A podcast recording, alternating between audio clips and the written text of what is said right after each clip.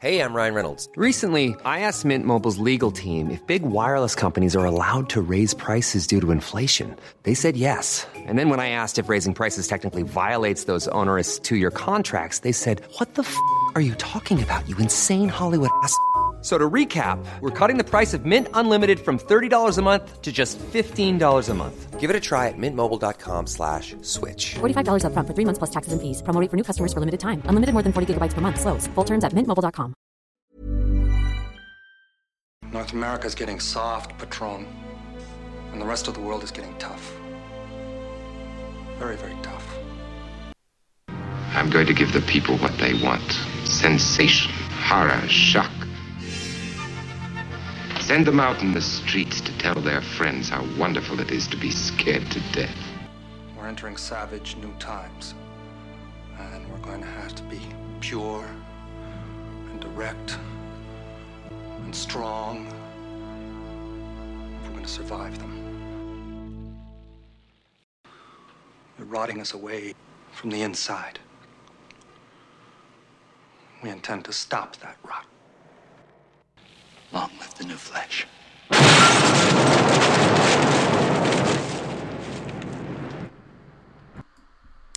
Välkommen till eh, skräckfilmscirkeln.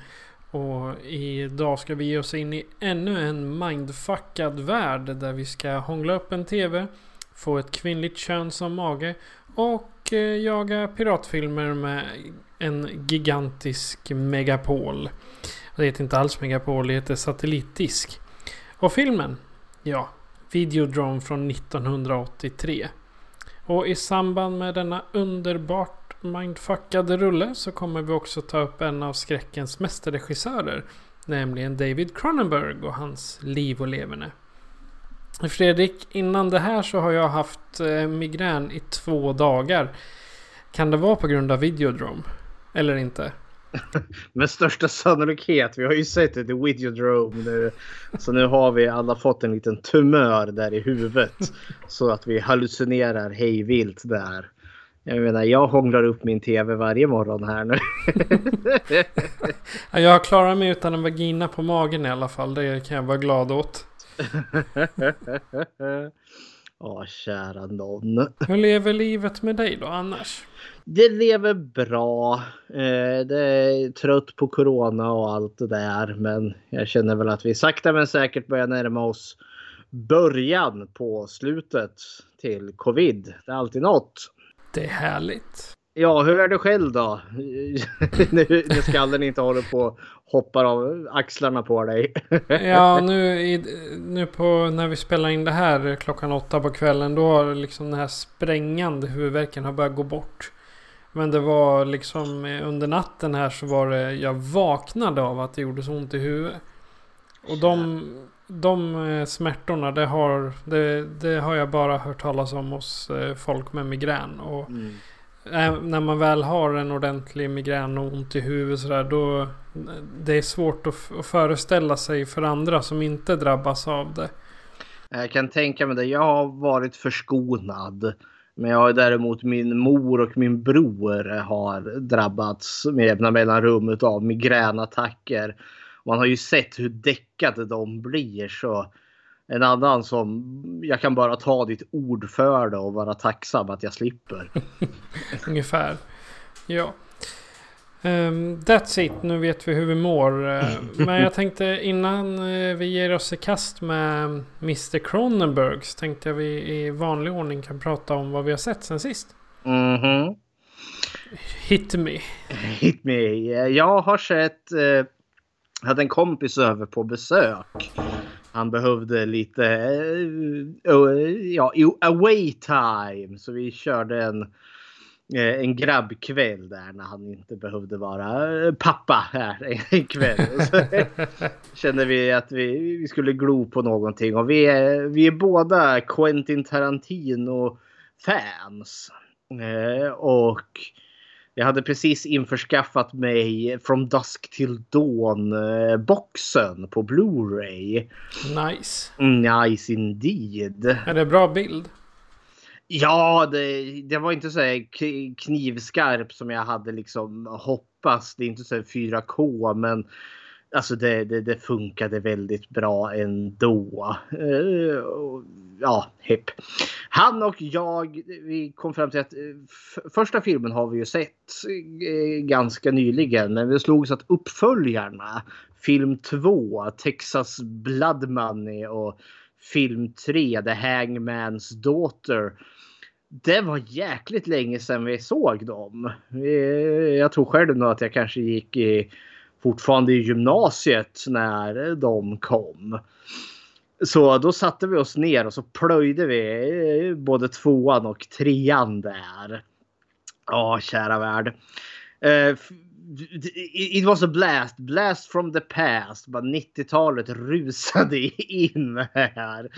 Och det är ju värt att notera att vad är det? Tarantino har ju inte regisserat någon av de här. Han var väl med och producerade och skådespelade i, i första From Dusk Till Dawn. Eh, sen de andra två filmerna vet jag inte ens om Tarantino har varit med och producerat men hans namn liksom vilar ju tungt över den. Men film nummer två, den utspelar sig så vitt vi kunde förstå kanske en prequel året innan eller något sånt där. Men helt och hållet fristående. Eh, Robert Pattison tror jag han heter. T1000 från Terminator 2. Eh, spelar en, för, en kåkfarare där som har är nu ute ur fängelset och ska väl leva på livets rätta sida. Eh, eller på lagmärkets rätta sida. Men så dyker ju en gammal eh, kåkfararkollega upp och han har en stor deal på gång och ska råna en bank vid gränsen till Mexiko där. Eh, och det, it's the big one. Oj oj oj. Eh, så det, det, kan de ju inte eh, låta bli. Så där är de ett gäng då på fem stycken där då som beger sig iväg för att rånar den här banken. Men sen stannar ju en av dem när de ska hålla på och strålar samman från de olika platserna de kommer ifrån. Är det ju en av dem som stannar vid baren Titty Twister. Det är ju inte bra att vara på den baren. inte när det är mörkt i alla fall. Inte när det är mörkt och det är väldigt mörkt när han kliver in där för det är endast då baren är öppen. Och ja, nej, men han blir ju biten där utav en utav vampyrerna. Spelad av Daniel Trejo. Eh, men lyckas ju undslippa så han blir ju inte sliten i stycken där och liksom blir en del utav eh, bodycounten till Titty Twister baren. Istället så blir ju han smittad och han blir ju vampyr. Eh, och så börjar han han strålar ju samman tillsammans med sina rånarkollegor där. Eh, och sen börjar ju han vampyrisera dem den ena efter den andra. Och i slutändan är det bara stackars eh, Robbie Patterson, T1000 där kvar som börjar ana lite oråd där i banken. att hans kollegor är lite märkliga. Men samtidigt går larmet och polisen eh, anländer och barrikaderar. Och så blir det liksom en standoff där mellan vampyrerna och poliserna. och han eh, stackars T1000 måste eh, joina sina forna fiender för det är någon sheriff där som har jagat honom. Då måste de slå sig ihop för att liksom möta upp vampyrerna där. Äh, det var cheesy fun det här och det var jätteblodigt stundom. Men det var framförallt jätteroliga kameravinklar. Alltså då, eh, han som hade regisserat den där tyckte liksom att nu ska vi vara lite artsy fartsy. Eller lite roliga blänkar exempelvis. De hugger huvudet av en vampyr. Men då är det så att man får se kniven han hugger mot den. Så ser så är det bara en mörk, snabbt klipp över till en mörk bild och så ser vi liksom som ett hål som öppnar sig och liksom öppnar, öppnar upp. Och så ser vi ansiktet på han som knivhugg vampyren. Då förstår vi att vi ser det här inifrån halsen på vampyren och det är såret som öppnar sig. Sen klipp tillbaka och huvudet ramlar av. Så det var mycket sådana så här fräsliga effekter. Eh, Bruce Campbell dök upp precis i början. Det gör ju allt. Nej, det, det är mums. Jag hade helt glömt bort att han var med i den här filmen. Men han är inte med särskilt länge för han går in i en, i en hiss. Och så hör han att det låter lite konstigt och så eh, öppnar han taket till hissen och vad händer där? Jo, vampyrfladdermöss och sen är det slut med Bruce Campbell. så han var med kanske, inte vet jag, fyra minuter. Och sen, sen var han borta. Ja. Eh, i slutändan popcornrulle. Alltså inte mer eller mer. Alltså verkligen en Tarantino wannabe kändes det som. Det är någon som försöker imitera stilen som den tidiga Tarantino, Pulp Fiction, Reservoir Dogs-Tarantino-stilen. Eh, Men det har sin charm och det var blodigt och det var vampyrer. Och det är bara mums tycker jag. Men så såg vi film nummer tre. Eh, Hangman's Daughter. Eh, som då utspelar sig någon gång på antingen väldigt tidigt 1900-tal eller sent 1800-tal. För det är verkligen så vilda västern eh, tid. Eh, och den var väldigt mycket mer lik första filmen. Alltså där vi börjar då. Alltså, har du sett From Dusk till Dawn? Ja, jag har sett dem men det var ju typ medeltiden så länge sedan. Jag har sett serien däremot. Ja. Spoiler, det borde väl inte vara en spoiler nu för nu vet man från Dusk till Dawn det är en vampyrfilm. Men första filmen hade ju det här med George Clooney och, eh, och Tarantino som spelar de här förrymda bröderna, bröderna Gecko Eh, som kidnappar den här familjen. Och typ hela första halvan utav första filmen är ju det här kidnappningsdramat. Tills de kommer till Titty Twister-baren. Och där den bara plötsligt helt utan förvarning bara vänder och blir den här vampyrmonsterfilmen. Det var ju glorious för det var ju en twist ingen såg komma. När hon den här vackra damen börjar dansa på bordet. Sen bara plötsligt blir hon ormvampyrmonster. Bara hepp, vad hände här? Men det ser man ju i Netflix-serien att de är någon form av reptiler. Ja, för det är väldigt återkommande, liksom något ormliknande över dem. Ja, sak samma. För film nummer tre påminner jättemycket om det här konceptet. Fast då, då följer vi liksom en, ett gäng eh, banditer, highman, robbers. Eh, ja, men typ lite bröderna Dalton fast mycket mer våldsamma. Eh, som är ute och far och gör sitt. Eh, och de Eh, ja, kidnappar The Hangmans daughter, alltså bödens dotter där då. Eller hon följer lite, kanske lite frivilligt med för han bödern är riktigt, som är hennes pappa då, så är en riktig elak jäkel. Som piskar henne på daglig basis och beter sig. Uh, och så följer man den där karaktären ungefär halvvägs in så kommer de till Titty Twister bar. Som då är mycket mer som en saloon. Eftersom att det är 1800-tal här, vilda västern. Och så följer det ungefär samma koncept där. Vi har de karaktärerna, de blir fast där, vampyrerna kommer och så har vi vampyr-action galore. Eh, och blod och död och djävulskap. Eh, det var just att den här kan ju liksom inte alltså fejka att det inte är en vampyrfilm. Så då, de kunde ju leka lite mer med vampyrerna innan de visade vampyrerna. För liksom alla vet i film nummer tre att vi har vampyrer här. Eh, och både jag och kompisen vi var rörande överens om att ja, men film nummer tre var genuint bra. Trots att den var jäkligt lik eh, alltså film nummer ett Eh, i hela sin struktur. Men ja, nej, det, det är vad jag har sett. From Dusk till Dawn 2 och 3 och det var verkligen ett blast from the past och det var awesome. Så det är vad jag har sett. Ja. Eh, jag har inte tittat på sådär jättemycket. Jag hade planer på typ eh, tre filmer nu i de här två dagarna när jag istället låg nerbäddad under ett täcke. Men eh, vad jag däremot har fastnat på det är SVT Play och dokumentärerna som finns där. Och då tittar jag på en, eh, en, en dokumentär som heter Vaccinkrigarna.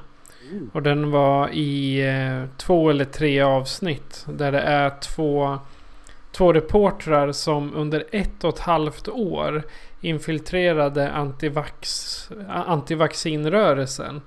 Både i Sverige och utomlands. Och när man säger infiltrerad då antar jag att det är på någon form av sociala medier eller Nej, nej, bokstav, bokstavligt talat. Oh. Alltså De- fysiska träffar? Eller? Ja, ja, ja. De var... Oj. Det var alltså... De var två stycken. De, var, de var reportrar. Men för att kunna komma in i de här eh, grupperna och för att liksom få, få, rätt att filma så sa de sig vara två stycken vaccinkritiska filmare som skulle göra en dokumentärfilm om allt som är så dåligt med vaccin. Och de kommer ju alltså ända ner i kaninhålet. Och då pratar vi om... eh, Här i Sverige har vi ju en eh, väldigt känd antivaccinperson som heter Linda Karlström. Oj. Hon eh, föreläser ju om... Alltså hon är ute och föreläser om vaccinens faror. Och Oj. All fakta hon eh, pratar om det är hämtat från en sida där man säljer alternativa kurer mot sjukdomarna som vacciner ska skydda mot. Kära någon. Ja. Så det finns ju ekonomiska intressen här då Ja. Men det, det, det var ju det var tre avsnitt så det var nästan tre timmar långt. Oj. Och de började liksom i Sverige här med henne och den lilla rörelsen som sakta men säkert finns. Och jag, jag tyckte det var så himla spännande nu eftersom vi har pandemin som är igång. Och jag menar, vad händer när de här personerna de vill inte ta corona va- vaccinet för eh, Mm. de vill inte ens, ens ta det här grundvaccinet som vi alla, alla andra tar. Ja, Jag såg det. Jag läste någon artikel här nu när jag hade rast på jobbet om just hemtjänsten. För nu var vissa kommuner de hade haft problem just eh, hela hisnande 9 av 10 i personalen inte ville ta vaccinet för de var skraja för det. Det har ju spridit så mycket konspirationsteorier. Jag menar, eh, de, de tror ju att, eller det, det sägs att eh, vacciner skriver om ditt DNA. Ja just Jag menar också- det är omöjligt. Ja, men samtidigt liksom pr- pr- prångla ut någonting med tillräckligt hög röst och tillräckligt övertygad så kommer, kommer man ju börja tro på det. Och Det var ju som hon Lene Riefenstahl. Nu kom Godwin slå här. Nu, nu, nu har vi dragit upp Hitler. Så Lene Riefenstahl, propaganda eh, människan där i tredje riket sa väl att upprepa en lögn tillräckligt många gånger och så blir det en sanning. Ja. Ja, kära värld. Nej, det där. Oh, jag har så svårt för det där. Men sen. Man har ju också färskt i minnet. Eller ja, färskt och färskt. Men Svininfluensan. svininfluensan där. Ja, nej men alltså det, det, jag kan ju förstå alltså oron. För jag, jag ska ju villigt erkänna att jag själv liksom har känt att ja, nej, oh, jag tänker nog ta vacciner men jag vill inte stå först i kön. Eh, för att jag själv också haft en skeptiskhet. Men sen vart efter tiden har gått och det här så känner jag liksom någon form av större solidaritet. Dels för att fan vad jag är trött på eh, covid. Men också liksom att jag måste dra mitt strå till stacken. Eh, och jag menar eh, att min gamla mormor har blivit vaccinerad nu. Det är för mig väldigt skönt att höra. För jag tänker så gammal som hon är. Jag vet inte om hon klarar av en, en, smocka från covid. Så det, det, för mig har det liksom blivit mer av en trygghet med vaccinet. Ja, och det... I, det de ville med den här dokumentären som jag tittar på. Det var alltså, de ville ner djupare än bara att ja, alla vacciner orsakar autism och icke-vaccinerade barn är friskare än vaccinerade barn. Men det är som, jag, jag har epilepsi. Liksom, ja, Mm. jaha, det, när fick du det då? Ja, när jag var 16. Jaha, då hade du vaccinerat dig. Det är sådana. Jag, jag är inte helt säker på när man får sitt första vaccin. Men det är väl någon gång en, två månader eller något sånt. Och det är klart. Lång, bieffekten hade lång inkubationstid. Ja, exakt. Ja, men det är också om, om du får det efter en eller två månader på ditt liv. Och vissa sjukdomar upptäcker man ju inte förrän man är framåt ett, ett och ett halvt. Jag tänkte, ja, för, för min del då. Jag, min epilepsi upp, upptäckte man inte förrän jag var 16. Nej. Så, men i alla fall så när de hade grävt sig ända ner på botten. Ja, då visade det sig då att nästan alla de här trodde på the new world order. Åh, Och att man använde, att man använde vacciner för att rensa ut folk. Population control. så det, det, det, går liksom tillbaka till liksom högerextrema nazisttankar här liksom. Ja, inte, inte, ja, jo, visserligen, men allting var liksom ner... Någonstans låg konspirationsteorierna. Det var Ja, inte ja. bara att ja, men vaccin orsakar autism. Så är det. Ja, ja. Ja, för the new, the new World Order har ju varit den här högerextrema tanken om att det finns en ond plan att eh, utplåna alla vita och sen ska judarna ta över där. Aj, aj, aj. Ja. Ja, ja, men eh, den... Den... eh, Jag, jag, ska avsluta med ett citat ifrån eh, hon när hon eh, ställdes mot väggen utav de här SVT-reportrarna. Då sa hon jag uppmanar alla att söka upp fakta. Vilket är ett, ett vanligt eh, svar när ett internettroll eller en konspirationsteoretiker inte vet eller har någon källa. Ja men googla! Då hittar du svaret. Åh, Såna. tjänar. Och sen så har jag sett färdigt eh, serien The Magicians. nu. Ah, Ja, och den fick faktiskt det slut jag hade hoppats på. oh, Men eh, sista säsongen var ganska rörig. För man får ju inte riktigt klart för sig vem som är den centrala karaktären. För i säsong ett så är det ju Quentin Coldwater, tror jag han heter. Det är han som är ce- central. Men sen börjar det liksom hoppa i säsong två, tre och fyra. mm. Så att eh, jag tror att man måste läsa böckerna för att få en bättre förståelse för vem som är den mest centrala. Men är det definitivt avslutad då? Eller är det liksom bara säsongsavslut och sen ska säsong 5, 6 eller vad det nu är dyka upp? Ja, nej, den här... Det, jag tyckte det kändes som att nu är det slut. Ja, okej då. Det var inte att det var en sån här möjlig eventuell twist. Utan jag tycker att det var... Nu har vi hittat ett slut. Ja, ja. Men var den Men det skulle- sevärd då tyckte du? Oh ja, oh Ja. ja. Sevärd är den. Men man ska helst titta på en stor skärm. För det är mycket detaljer. Ja. Jag tittar mycket på telefonen och det var en ganska dålig, eh, då, dålig kombination. Mhm. Men ja, ja. Det var våra senast sedda. Och ehm, utöver senast sedda så ska jag kombinera med lite vetenskap. Eh, Illustrerad vetenskap som har skrivit en liten notis i sitt eh, nummer... Eh, vad blir det? Nummer eh, två tror jag, 2021. Oh. Nummer tre, 2021. Eh, då har de skrivit att skräckfilm kan skrämma livet ur dig. Så här, I ett rum på ett nederländskt universitet går det rysningar längs ryggen hos 21 försökspersoner. På en stor skärm visas skräckfilmen Insidious. Där djävulsliknande varelser intar en ung pojkes kropp och utnyttjar den för att attackera pojkens föräldrar. Filmvisningen arrangeras av läkaren Fritz Rosendahl från Leiden University Medical Center. Och efter filmen tar han blodprover på deltagarna och upptäcker att risken för att de ska få en blodpropp har ökat markant under filmen.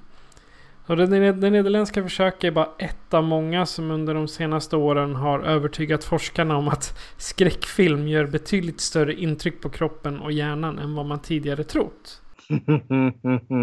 Men här, då vill ju jag flika in här som en avid skräckfilmsentusiast och fan.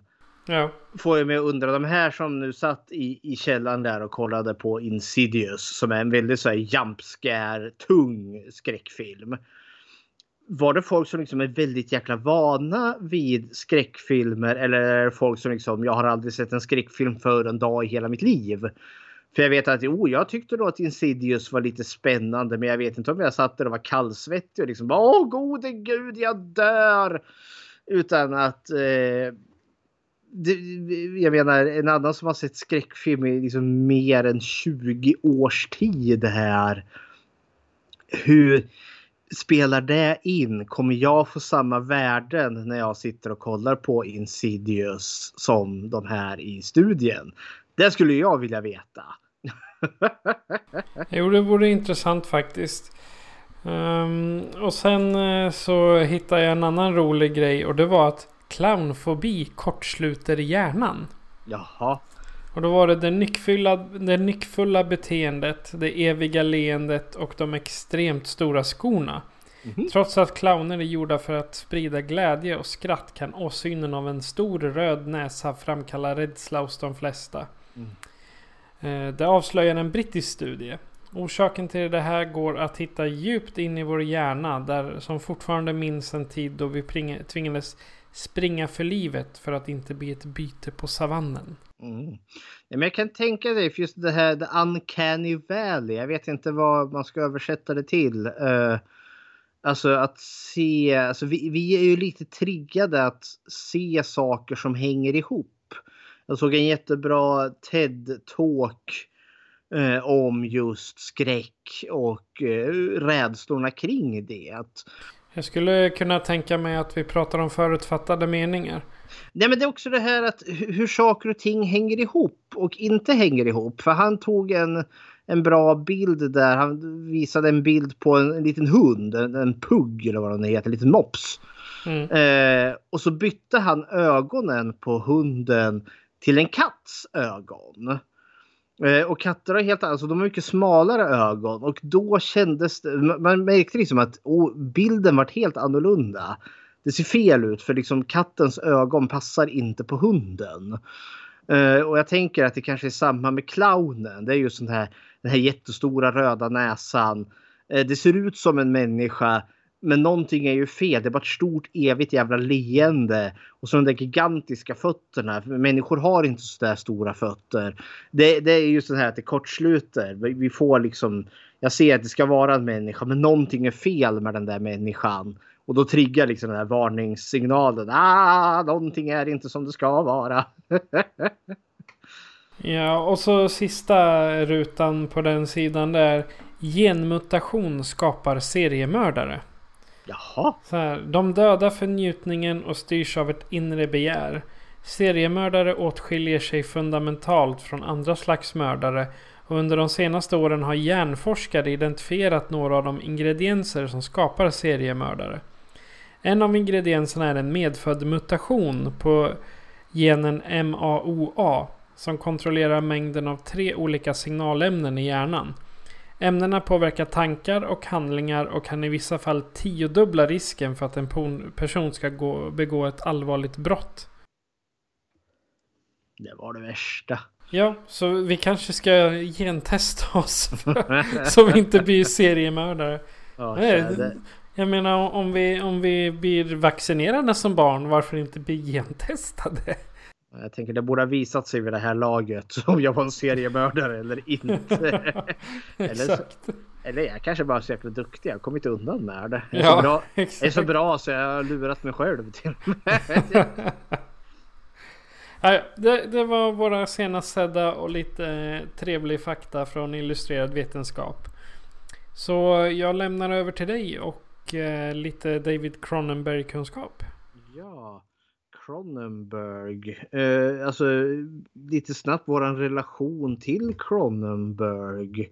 Alltså när kom du i kontakt med honom? Alltså vad är dina tankar kring Cronenberg lite rent allmänt? Alltså Cronenberg hade jag inte hört talas om överhuvudtaget förrän vi såg The Fly. Alltså oh. remaken av den. Det var första Cronenberg-filmen som jag såg. Och sen som jag visste att det var han som hade gjort. Sen har jag sett de här lite tidigare typ eh, Shivers och eh, The Dead Zone. Mm -hmm. de, jag menar, de, de filmerna hade jag sett men jag visste inte att det var Cronenberg-filmer. Nej. Så. Men eh, det är ju... Jag, jag tycker ju att... Jag, jag gillar hans... Särskilt de äldre filmerna för de är lite suggestiva, lite annorlunda. Så här, man menar titta på Videodrome. Mm. Den, är ju, den är ju lite egen. Mm, så samma med, samma med The Dead Zone. Jag menar, det, han har sin lilla signatur där på att, av de tidiga filmerna då är det någonting... Det står inte rätt till om man säger så. med allting. Ja, ja men det, det håller jag med. Alltså, Cronenberg han är en av de här regissörerna som man verkligen känner. Alltså det, det, det här är som man kan säga liksom det här är en Cronenberg-film. Precis som man kan säga det här är en Tarantino-film eller det här är en Hitchcock-film. Alltså han som filmskapare har liksom karvat ut sig sin egen eh, unika stil. Och är väl de som har, liksom har haft turen att ha de här liksom tidiga framgångarna. Att han inte har behövt blivit styrd och kontrollerad av filmbolagen. För man vet liksom att hans filmer spelar in. Och jag tycker att vi har inte så jäkla många regissörer kvar. Där man känner liksom att det här, oh det här är hans film. Alltså Cronenberg är ju fortfarande med oss och han håller på att planera en ny film här. Hipp hipp hurra. Men annars är det ju liksom, ja, Tarantino finns ju kvar och han ska göra någon film till. Och sen David Lynch, nej, han har ju efter Twin Peaks 3 där så nej, nu skiter han i det här. Så man har ju inte de här liksom jättestora eh, specifika regissörerna. Men eh, Cronenberg är ju en av dem och eh, får hoppas än så länge. Eh, han för mig, alltså han så, var också sådär i tonårstiden vart jag intresserad av honom mest bara för att hans tidiga filmer ska vara så in i bängen jäkla våldsamma. Och det är de. Uh, och jag tror Flugan var ju också en sån här kanske första film då jag liksom kopplade ihop namnet med att oh, det här var ju spännande. Jag skulle vilja se mer av den här regissören. Och så var det för mig för liksom den svenska censuren har gått ganska hårt åt på hans filmer, tidiga filmer där. Men vad konstigt. Ja, märkligt. Eh, nej, men alltså, det var lite av en utmaning då också i, som i ja, nu snackar vi den tidiga internetet för allmänheten där på 90-talet då man kunde börja jaga de här filmerna och det var liksom en sport att kunna hitta den oklippta utgåvan utav Rabid eller The Brood och liknande. Eh, så han dök upp i sådana sammanhang för mig och då var det just blodet och klafset som intresserade mig. Men sen liksom han är ju en så genuint intelligent filmskapare. Alltså man märker att det är tuggmotstånd i hans filmer. Ja, ja, nog om detta. Jag ska väl ta lite kort fakta om Cronenberg. Eh, och till skillnad från farbrorn som vi pratade om förra gången, Christopher Lee, som har haft ett jättelångt och spännande och innehållsrikt liv där han liksom har varit skådespelare, spion, stridspilot, hej vad det har gått. Men nej, det är inte riktigt lika spännande när det kommer till Cronenberg. Hans filmer är spännande men hans liv är inte så vansinnigt jävla spännande. Så hepp hepp. Han är född den 15 mars 1943 i Toronto, Ontario, så i Kanada. Då. Eh, hans mamma Ester, hon var musiker och pappa Milton, han var då redigerare och författare. Och han är då uppvuxen i en sekulär judisk familj. Eh, han uppmuntrades väldigt mycket till att läsa eh, och hans pappa Milton där eh, ska Cronenberg ha berättat, eh, drog med honom på lite så arthouse filmvisningar. Eh, det är lite mer konstnärliga filmer för han hade liksom en förhoppning att sonen skulle få liksom en konstnärlig ådra. Det fick han ju förvisso men kanske inte på det sättet som han hade tänkt sig.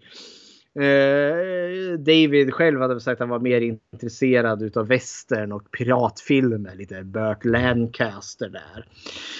Men eh, hushållet var knökfullt utav böcker och det var väldigt uppmuntrat till att läsa i, i, i familjen Cronenberg. Eh, och de hade väldigt mycket science fiction. Och tar man en titt på Cronenbergs filmer så finns det ju gärna science fiction element med helt klart. Eh, han har sagt eh, böcker som verkligen hade gjort ett avtryck på honom. Det var ju eh, ja, Fahrenheit eh, 451 utav Ray Bradbury och I, Robot av Isaac Asimov. Han hade också en förkärlek för de tidiga superhjältarna, tidningarna där. Och favoriter där var tydligen Tarzan, Stålmannen och Shazam. Men han var också en stor fan utav EC Comics. Och vad är då EC Comics? Jo, det är Tales from the Crypt. Eh, de tidiga 50-tals skräckserierna. Som var så rysliga och så grafiska att de orsakade en moralpanik och en eh, uppvaknandet av en censur eh, som mer eller mindre lamslog hela serietidningsvärlden. Och grejen med EC Comics, det är lite eh, hint för, en liten teaser för framtiden här. Att vi kommer att komma till EC Comics och Tales from the Crypt eh, framöver. Yay! Yay!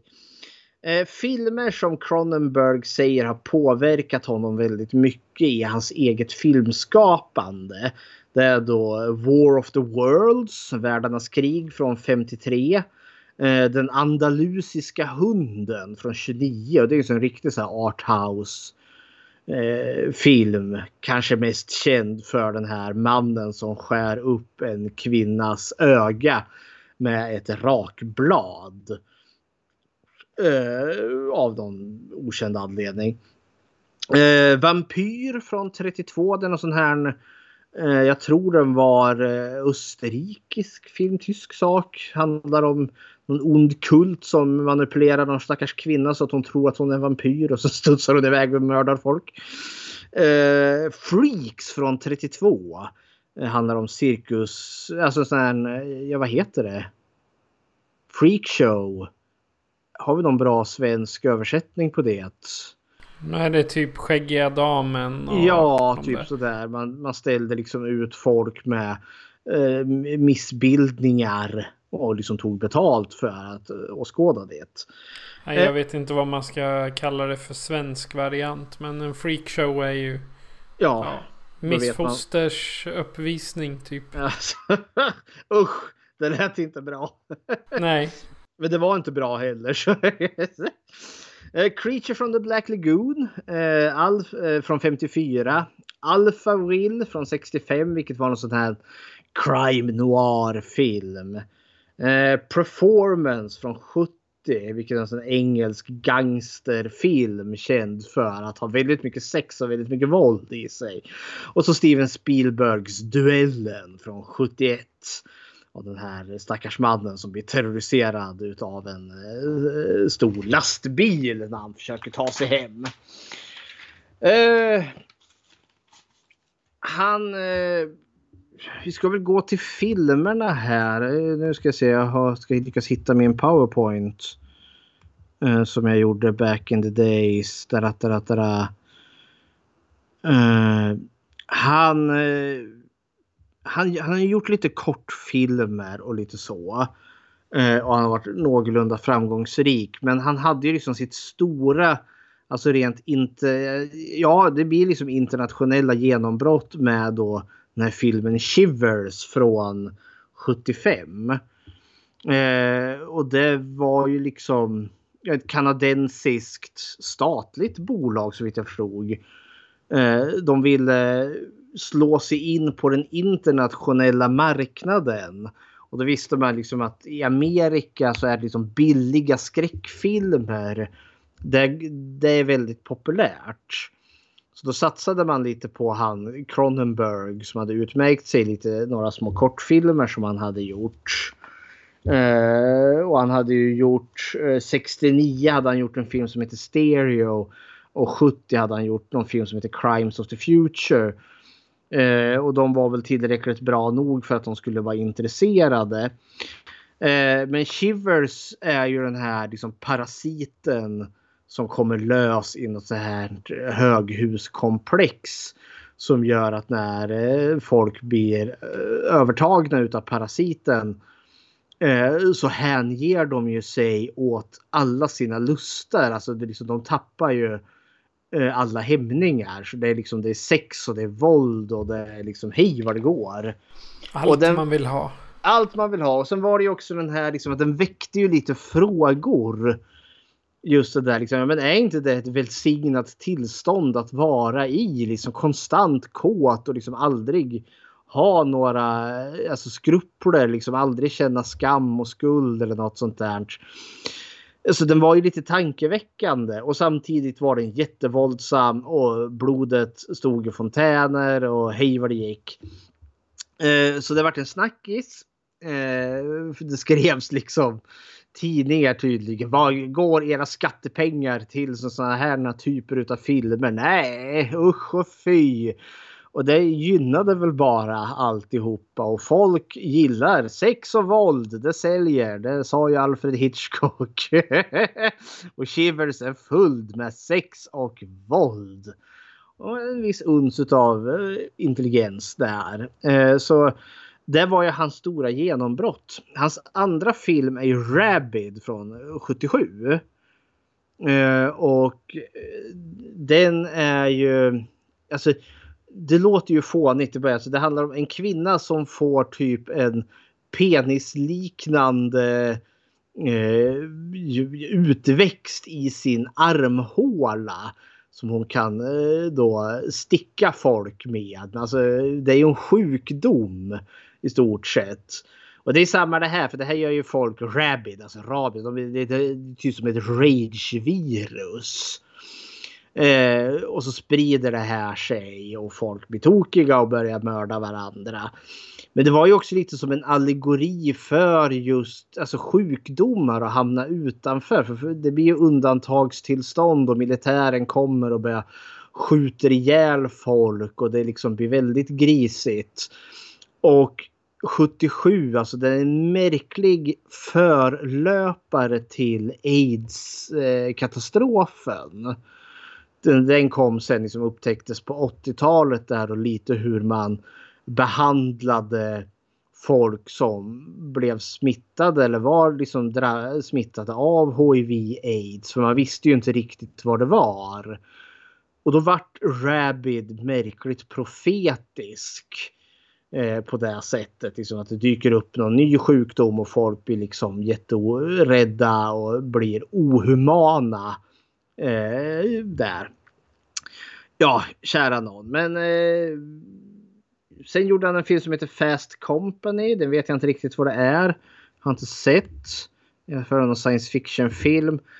Men sen kommer då The Brood från 1979. Eh, eller som man också kan samma, sammanfatta. Fy fan vad jag hatar min exfru. och här krävs ju då en liten förklaring. Eh, Cronenberg har varit gift två gånger. Hans första fru heter Margaret Hindson. Och de gifte sig 72 och sen skilde de sig 79. Hon fick en dotter tillsammans eh, då som heter Cassandra. Eh, grejen var det att eh, skilsmässan från hans fru, från Margaret där, var väldigt eh, stökig och jobbig. För hans fru gick nämligen med i en psykoterapikult om jag tolkade rätt. Alltså eh, en, någon, eh, någon hippiekult där då som, eller ja hippiekult det, det är fel ord. Men alltså en, en form av kult som då fokuserade väldigt mycket på att du ska hitta dig själv genom ditt eget psyke och uh, hitta uh, din egen styrka och allt vad det var. Och hans fru gick totalt upp i det där och vart fanatiker och det vart liksom verkligen en dramatisk eh, vad heter det, skilsmässa. Med mycket gråt och skrik och tandagnisslan. Och då ska vi ta till The Brood då, som är en genuint bra skräckfilm och utav kritikerna väldigt uppskattad. Men där har vi ju just eh, hotet där är ju en kvinna som med hjälp utav någon form av psykoanalys har liksom lärt sig att liksom materialisera barn ut ur en livmoder som hon har på, på, på utsidan utav kroppen. Och de här barnen växer ju upp jättesnabbt och så kan hon styra dem med hjälp av sina psykiska förmågor där. Och så ger hon sig efter då sin exmake eh, och ställer till det med att skicka ut de här hemska barnen för att eh, ja, mörda och ställa till det. Och i slutändan eh, så gör de ju upp och då är det han stryper eh, hon The Brood, eh, frun där med navelsträngen till en av de där barnen. Och Cronenberg har sagt i, i, i en intervju att det kändes väldigt skönt. han, fick, han, visade, han fick ut sin frustration och sin ilska. Ja, men alltså, The Brood är verkligen då eh, hans eh, terapi för det här traumatiska skilsmässan han hade med sin fru Margaret. Samma år så gifter han om sig med Caroline Seifman. De hade träffats under filminspelningen till Rabid 77 där. Och de förblev gifta från 79 till 2017 där hon dog i, i sjukdom i en ålder utav 66. Och efter det så har de inte gift om sig. Eller han har inte gift om sig. Eh, med henne fick han eh, barnen Kathleen Cronenberg och Brandon Cronenberg. Och Brandon har ju som pappa axlat eh, film, eh, ja regissörsrollen. Och har gjort lite eh, filmer där. Antiviral var väl sonens första film och den hade väldigt mycket pappaeska drag tyckte jag. Sak samma. Hans nästa film är ju Scanners. Och den tror jag, den har vi sett i skräckfilmscirkeln, tror jag. Jo, det tror jag med.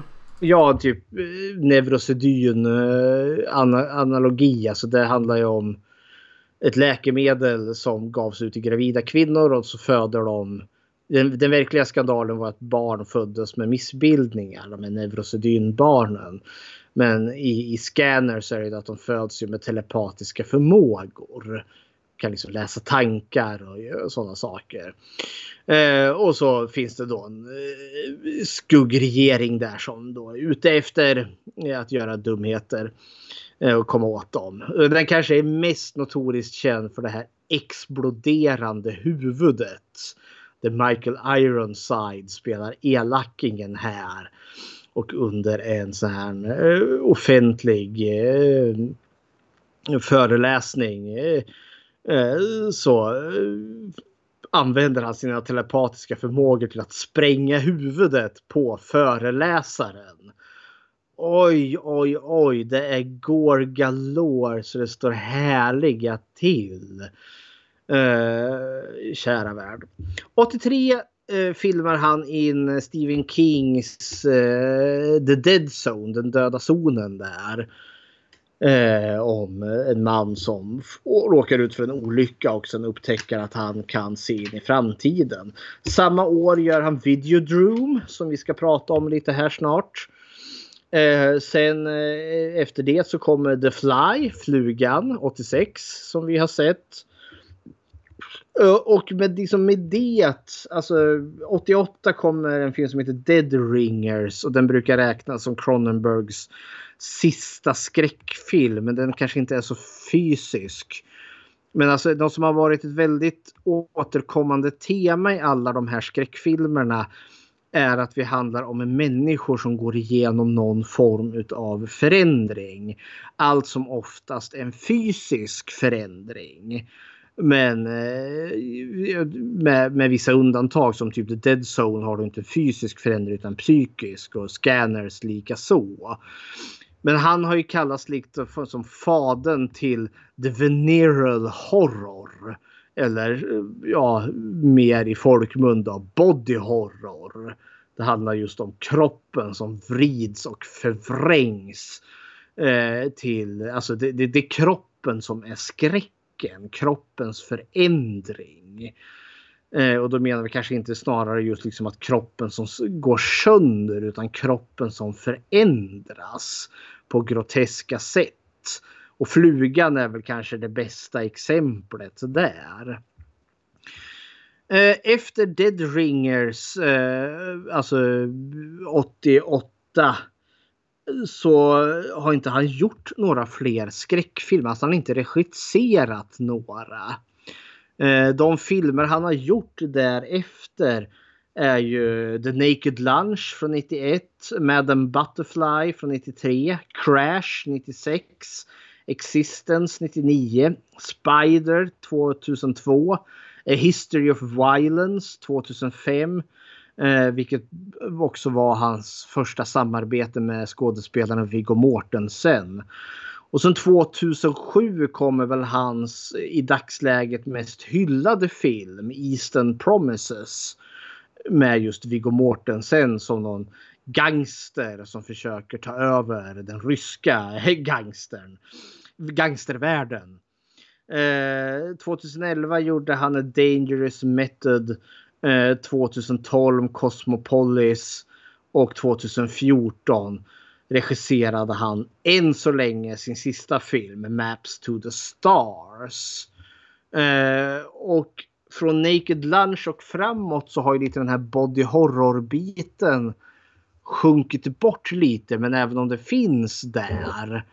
Eh, men inte alls på samma sätt som Maps to the Stars handlar väl väldigt mycket mer om ja, liksom ett personligt liksom, familjedrama egentligen.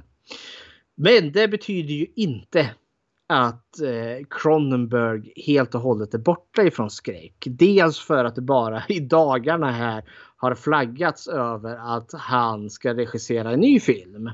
Efter att ha varit borta från regissörstolen här ja, sedan 2014 han ska regissera en ny skräckfilm tillsammans med Viggo Mortensen. Än så, det, yay! Än så länge är det så väldigt nytt så ingen, ingen aning om vad det ska handla om. Men shit vad spännande om han liksom back to the roots. men han har ju figurerat i lite andra skräckfilmer och andra Alltså han, han har ju faktiskt dykt upp lite som gästskådespelare.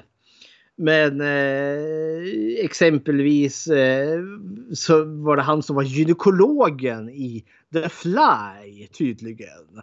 I drömsekvensen. Mm. I, och Gina Davis tror att hon föder en, en larv där. Då var det tydligen Cronenberg där. det noterade inte jag, men så var det. Eh, 90 gjordes det ju en filmatisering av Clive Barkers Nightbreed. Där spelade ju vad heter det, Cronenberg skurken. Den onda psykologdoktorn där som har lite eh, slasher-vibbar över sig. För han drar ju på sig en mask och så börjar han vifta hej vilt med macheten där och knivar ihjäl folk. Han var med i den här fantastiska eh, Seven-liknande seriemördartrillen Resurrection med Christopher Lambert från 99. Och så var han ju med i den gloriously dumma Jason X. Eller Jason in space! den längtar jag tills vi kan uh, ha en diskussion om. Ja, fredagen. Vi kommer till fredagen. Det är ett som är säkert. och vi kommer gå igenom alla filmerna. Men där dyker ju David Cronenberg upp för de hade liksom kontaktat honom eh, och skrivit in en liten, så en liten biroll där för det skulle väl vara kul. Och så hade han svarat, nej men vad fan är det här? Jag, jag ställer inte upp att vara med i eran film om jag inte blir mördad utav Jason. ja men lätt alltså. Ska, ja. Skulle jag vara statist i något sånt där. Det vore ju största äran att bli mördad av Jason. Ja, så Cronenberg han spelar den här otäcka slipsnissen där då som ska ta, eh, för de har ju fångat Jason i början på den filmen och har han på något jäkla superfängelse. Och så är han slipsnissen som ja, nu ska vi ta bort Jason och forska på honom. Men så har Jason rymt och så dyker han upp bakom Cronenberg där och bara kör ett järnspett rakt igenom honom. Hej vad det gick. Han var tydligen med i några avsnitt i den här tv-serien Alias. Eh, och tydligen här absolut senast förra året var han med i några avsnitt av säsong 3 utav Star Trek Discovery. Så hepp hepp som en Trekkie-fan så har jag ju någonting att se fram emot. alltså Cronenberg har satt ett avtryck i, i filmvärlden och det har ju verkligen varit just det här body horror eh, biten, just den här kroppen som kan förvrängas till eh, det mest groteska. Eh, och jag tänker typ filmer som The Thing eh, från 82 där John Carpenters eller Society och, eller Shivers heter väl eh, till och med den här monsterfilmen eh, från 2000. Eh, och jag kommer inte ihåg, jag tror det var Josh Sweden som gjorde den. Eh, om utomjordingar som attackerar. För det var ju också så en hel småstad som dör bort och alla smälter samman i en enda stor äcklig slimig klick där. Och till viss del typ Hellraiser. Jag tänker Pinhead och, och Cenobitesen där. Även om det, liksom, det är ju väldigt mycket eh, vad heter det, eh, Clive Barkers eh, förtjänst. Men jag menar, det känns inte som att det är en slump att Clive Barker ville samarbeta med just säg Cronenberg när de gjorde Nightbreed bland annat. Så nej men det är väl vad jag har om Cronenberg i, i stora drag. Liksom, han är en av de få sista eh, regissörerna vi har här tycker jag som har en liksom en väldigt egen profil. Där man kan säga att det här är en Cronenberg-film. Uh, och han är, han är väl 72 år nu borde han väl vara. Nej, han borde vara äldre än så. Han är väl... Hur gammal kan han vara? Han är född 43. Och jag matematik. Uh, han måste vara 78 eller något sånt där. Ja, 78. Titta, ja. du tog det på första. ja, men det, detta om detta. Det var Cronenberg i korta drag. Heppli hepp. Okej, tack för det. Men eh, utan vidare kommentarer då så tycker jag vi studsar vidare till eh, dagens film som mm. är Videodrome från 1983. Och här kommer en trailer. Why did you watch it, Max? Business reasons. Sure. What about the other reasons?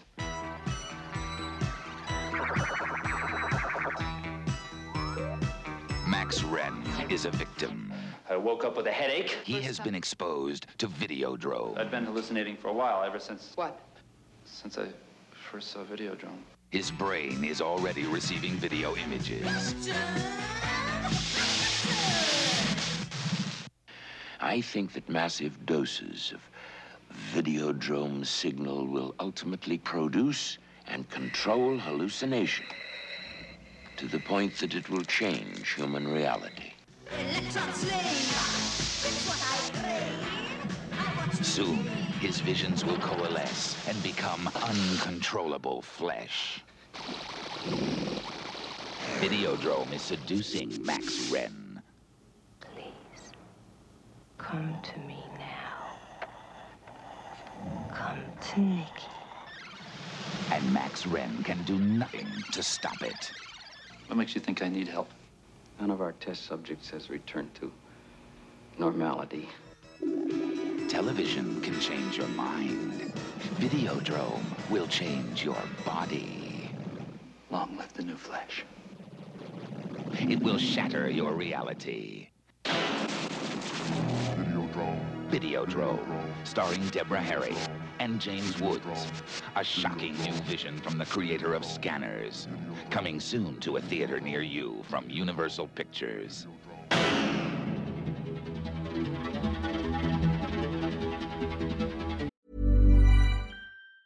Planning for your next trip? Elevate your travel style with Quince. Quince has all the jet setting essentials you'll want for your next getaway, like European linen, premium luggage options, buttery soft Italian leather bags, and so much more. And it's all priced at 50 to 80% less than similar brands. Plus, Quince only works with factories that use safe and ethical manufacturing practices. Pack your bags with high-quality essentials you'll be wearing for vacations to come with Quince. Go to quince.com slash trip for free shipping and 365-day returns. Hiring for your small business? If you're not looking for professionals on LinkedIn, you're looking in the wrong place. That's like looking for your car keys in a fish tank.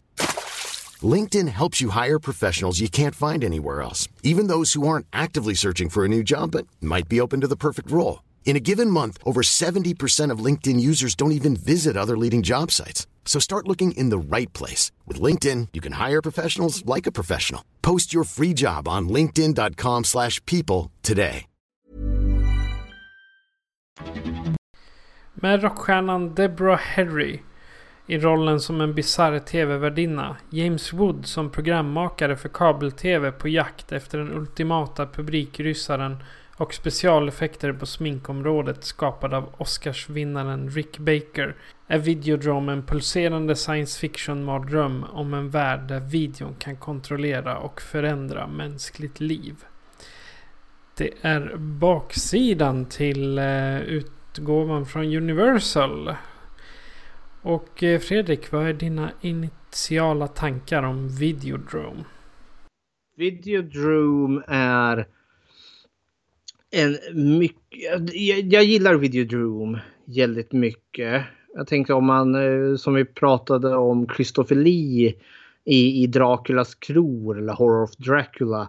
Så var ju det liksom en mysskräckfilm. Man liksom bara sveps in i atmosfären och bara myser sig igenom. Så är Videodrome ett eh, annorlunda typ av film. Det är en film som utmanar mitt intellekt. Jag har mycket mer att bita i i den här filmen. För den här filmen introducerar så många liksom annorlunda tankar. Den introducerar abstrakta saker och eh, filmen är ju också Alltså den tar en på en jäkla resa. Den brukar ju kallas, det här stilgreppet brukar ju kallas för uh, the unreliable narrator, den opolitliga berättaren.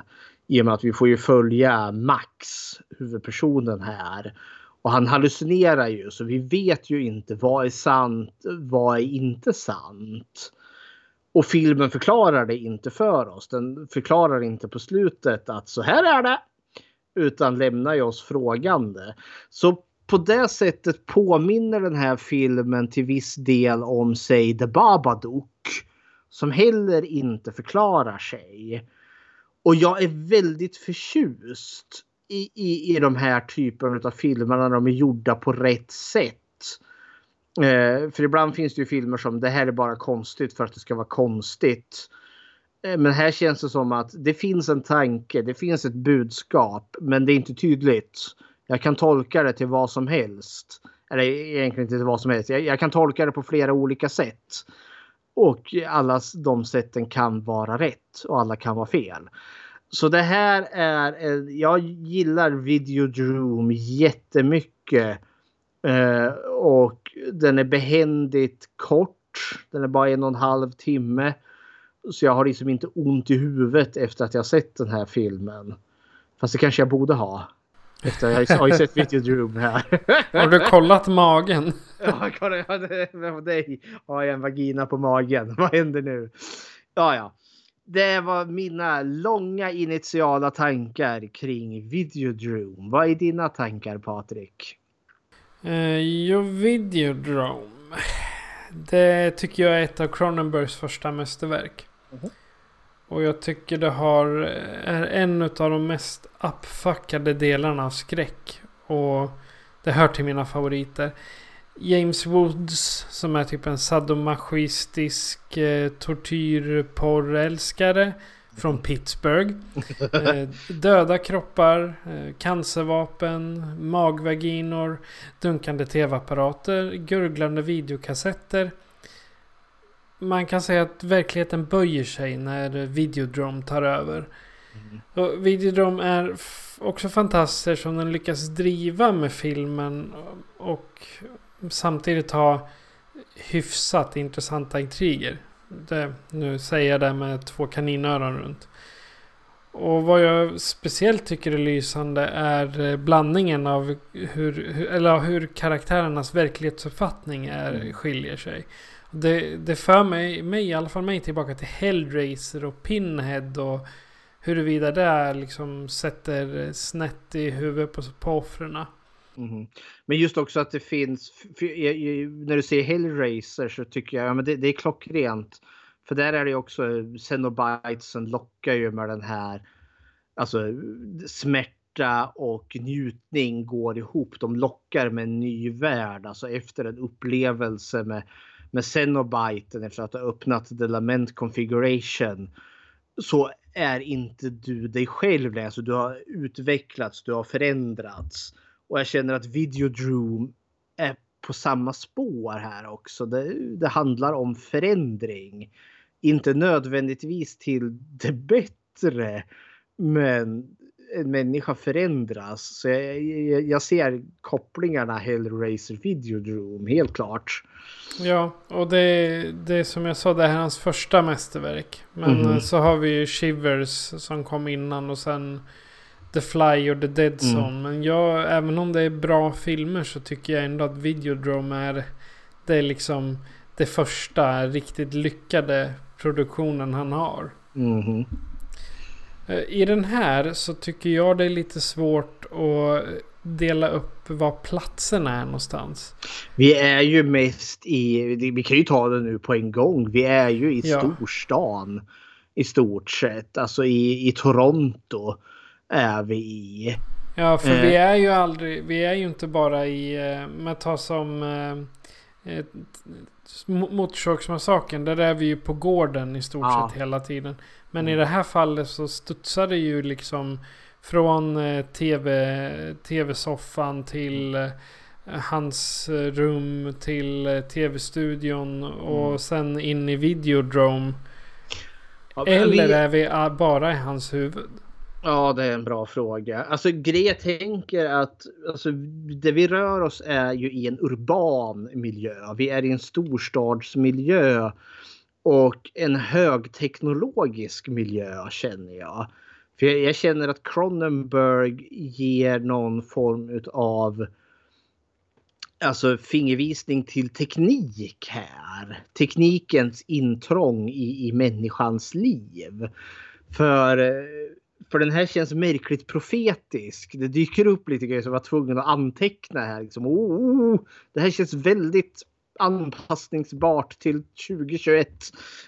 Nej, men alltså, det, vi, vi rör oss liksom i en... Alltså naturen, alltså det naturliga lyser verkligen med sin frånvaro här. Och då menar jag verkligen liksom... Eh, vad- vad ska jag förklara? Alltså, det känns kommersialistiskt. Alltså det känns som att prylar är verkligen grejen här. Fräsiga klockor, tv-apparater, eh, videokameror, eh, kassettband. Alltså mycket så här materiellt onaturligt som vi har skapat. Som egentligen är onödigt för oss. Mest bara för våran underhållnings skull. Och jag tänker det är vad vi rör oss kring hela tiden. Men jag tänker vi rör oss också i en... För han Max han, han- det känns inte som att han befinner sig alltså rent samhällsklassmässigt eh, på någon lägre skala. Men han känns inte överklass heller. Men det känns som att han rör sig i någon form av övre medelklass. Känns Han, det som. han rör sig lite mitt i... Mitt emellan. Jag menar han har ju ändå en eh, egen tv-kanal. Så man, man skulle kunna säga att han är öv, wa, överklass wannabe. Liksom, det han är den här, eh, du vet, eh, ingressen till eh, den stora överklassen. Ja, för han är ju lite alltså the self-made man här som Ja, delägare i den här kanal 88 Civic TV. Ja. Eh, som visar, vad är det, våldsamma filmer och mjukporr. Ja. Vilket jag tolkade lite, för det var ju en kritik han fick Cronenberg när han gjorde Shivers. Det var ju liksom sex och våld i den filmen. Ja, och så gör han här då att han visar den på en tv-kanal bara för att liksom peka finger åt alla, Ja. alla som gnällde på Shivers. Ja, jag tänker det, det är lite för det hängde ihop att det bolaget kontaktade ju Cronenberg för att de ville göra en, en våldsam film för att de visste att de skulle få eller hoppades få en lite mer internationell karriär och det är ju precis vad Max Ren gör. Han, han, han är på ständig jakt efter våld och snusk att sälja till sin eller att visa Mhm. på sin tv-kanal. Exakt. Men ska vi skutta till karaktärerna då? För nu har vi varit inne på Max redan. Ja, precis. Eh, Jag skrev eh, en liten eh, på Max Ren eller James Wood som skådespelaren heter. Då, då skrev jag bara en rad om honom. Porrgubbe som piratkopierar utländska porrfilmer med hjälp av en supersatellitmottagare och en tekniknörd. Punkt, punkt, punkt. Med en uppkommande megapsykos. ja, det. Jag, jag, jag tyckte det var liksom ett sätt att eh, sammanfatta han som person. Alltså ja, ja, ja men det, det är ganska bra sammanfattning av honom. Jag tolkar honom lite som att han... Han... eh, Han är, ju, han är ju huvudpersonen och vi spenderar mest tid med honom genom hela den här filmen. Och det är ju hans förändring vi får se. Hur han liksom upptäcker Videodrome och hur Videodrome förändrar honom. Och i slutändan, ja, antar jag förgör honom. Eh, Men för i början, för han, han är en ganska odräglig karaktär. Men inte ett totalt omoraliskt mörker utan det känns som att han, han är den här delägaren i Civic TV. Uh, eh, han, han, han, är the man on the go. Han är liksom, han är, han är yuppie kanske. Liksom den här affärsmannen. Jag behöver de snabba klippen. Liksom nu, nu, nu. Pang, pang. Och han är slängd i käften. Och han vet hur han ska få en deal där. Jag tänkte när vi ganska tidigt i filmen får vi ju se honom när han träffar två japanska filmskapare. Vad- Vad heter den? Samurais Love eller vad det hette. De har gjort någon mjuk pornografisk eh, berättelse om samurajer tydligen. Ja, ja samurajer och eh, geishor va? Ja. Eh, och eh, de ska, han ska se om det är någonting för deras kanal att visa. Och eh, då öppnar den här ena med den här mannen en portfölj och det finns typ, liksom, typ 13 olika eh, alltså VHS-kassetter där. Och han sa nej, jag vill inte ha första, ge mig volym eh, 13-14, alltså i slutet. Och de ja men då kommer du inte förstå handlingen. Nej, nej, nej. Vi är inte intresserade av någon handling här inte. Bara, han, vill, han vill bara ha snusket direkt. Och jag tänker liksom han, känslan jag har är att han har liksom rört sig i, i det här mjukporr-träsket. Eh, eh, eh, och är på jakt efter nästa stora. Och, och det slog mig här nu att de säger, de visar ju mjukpornografi och våldsamma filmer. Men de här våldsamma filmerna får vi aldrig se mer än Videodrome, alltså piratkanalen som de hittar där. Från Pittsburgh. Från Pittsburgh. vi, får aldrig, vi får bara se de här mjukpornografiska som den här Samurais Love eller vad det nu hette. Och sen hon, han den här, han, träff, han har ju någon annan Marsha som hon hette som har gjort någon sån här eh, grekisk inspirerad eh, Apollo Dionysus mjukporr eller vad det nu hette.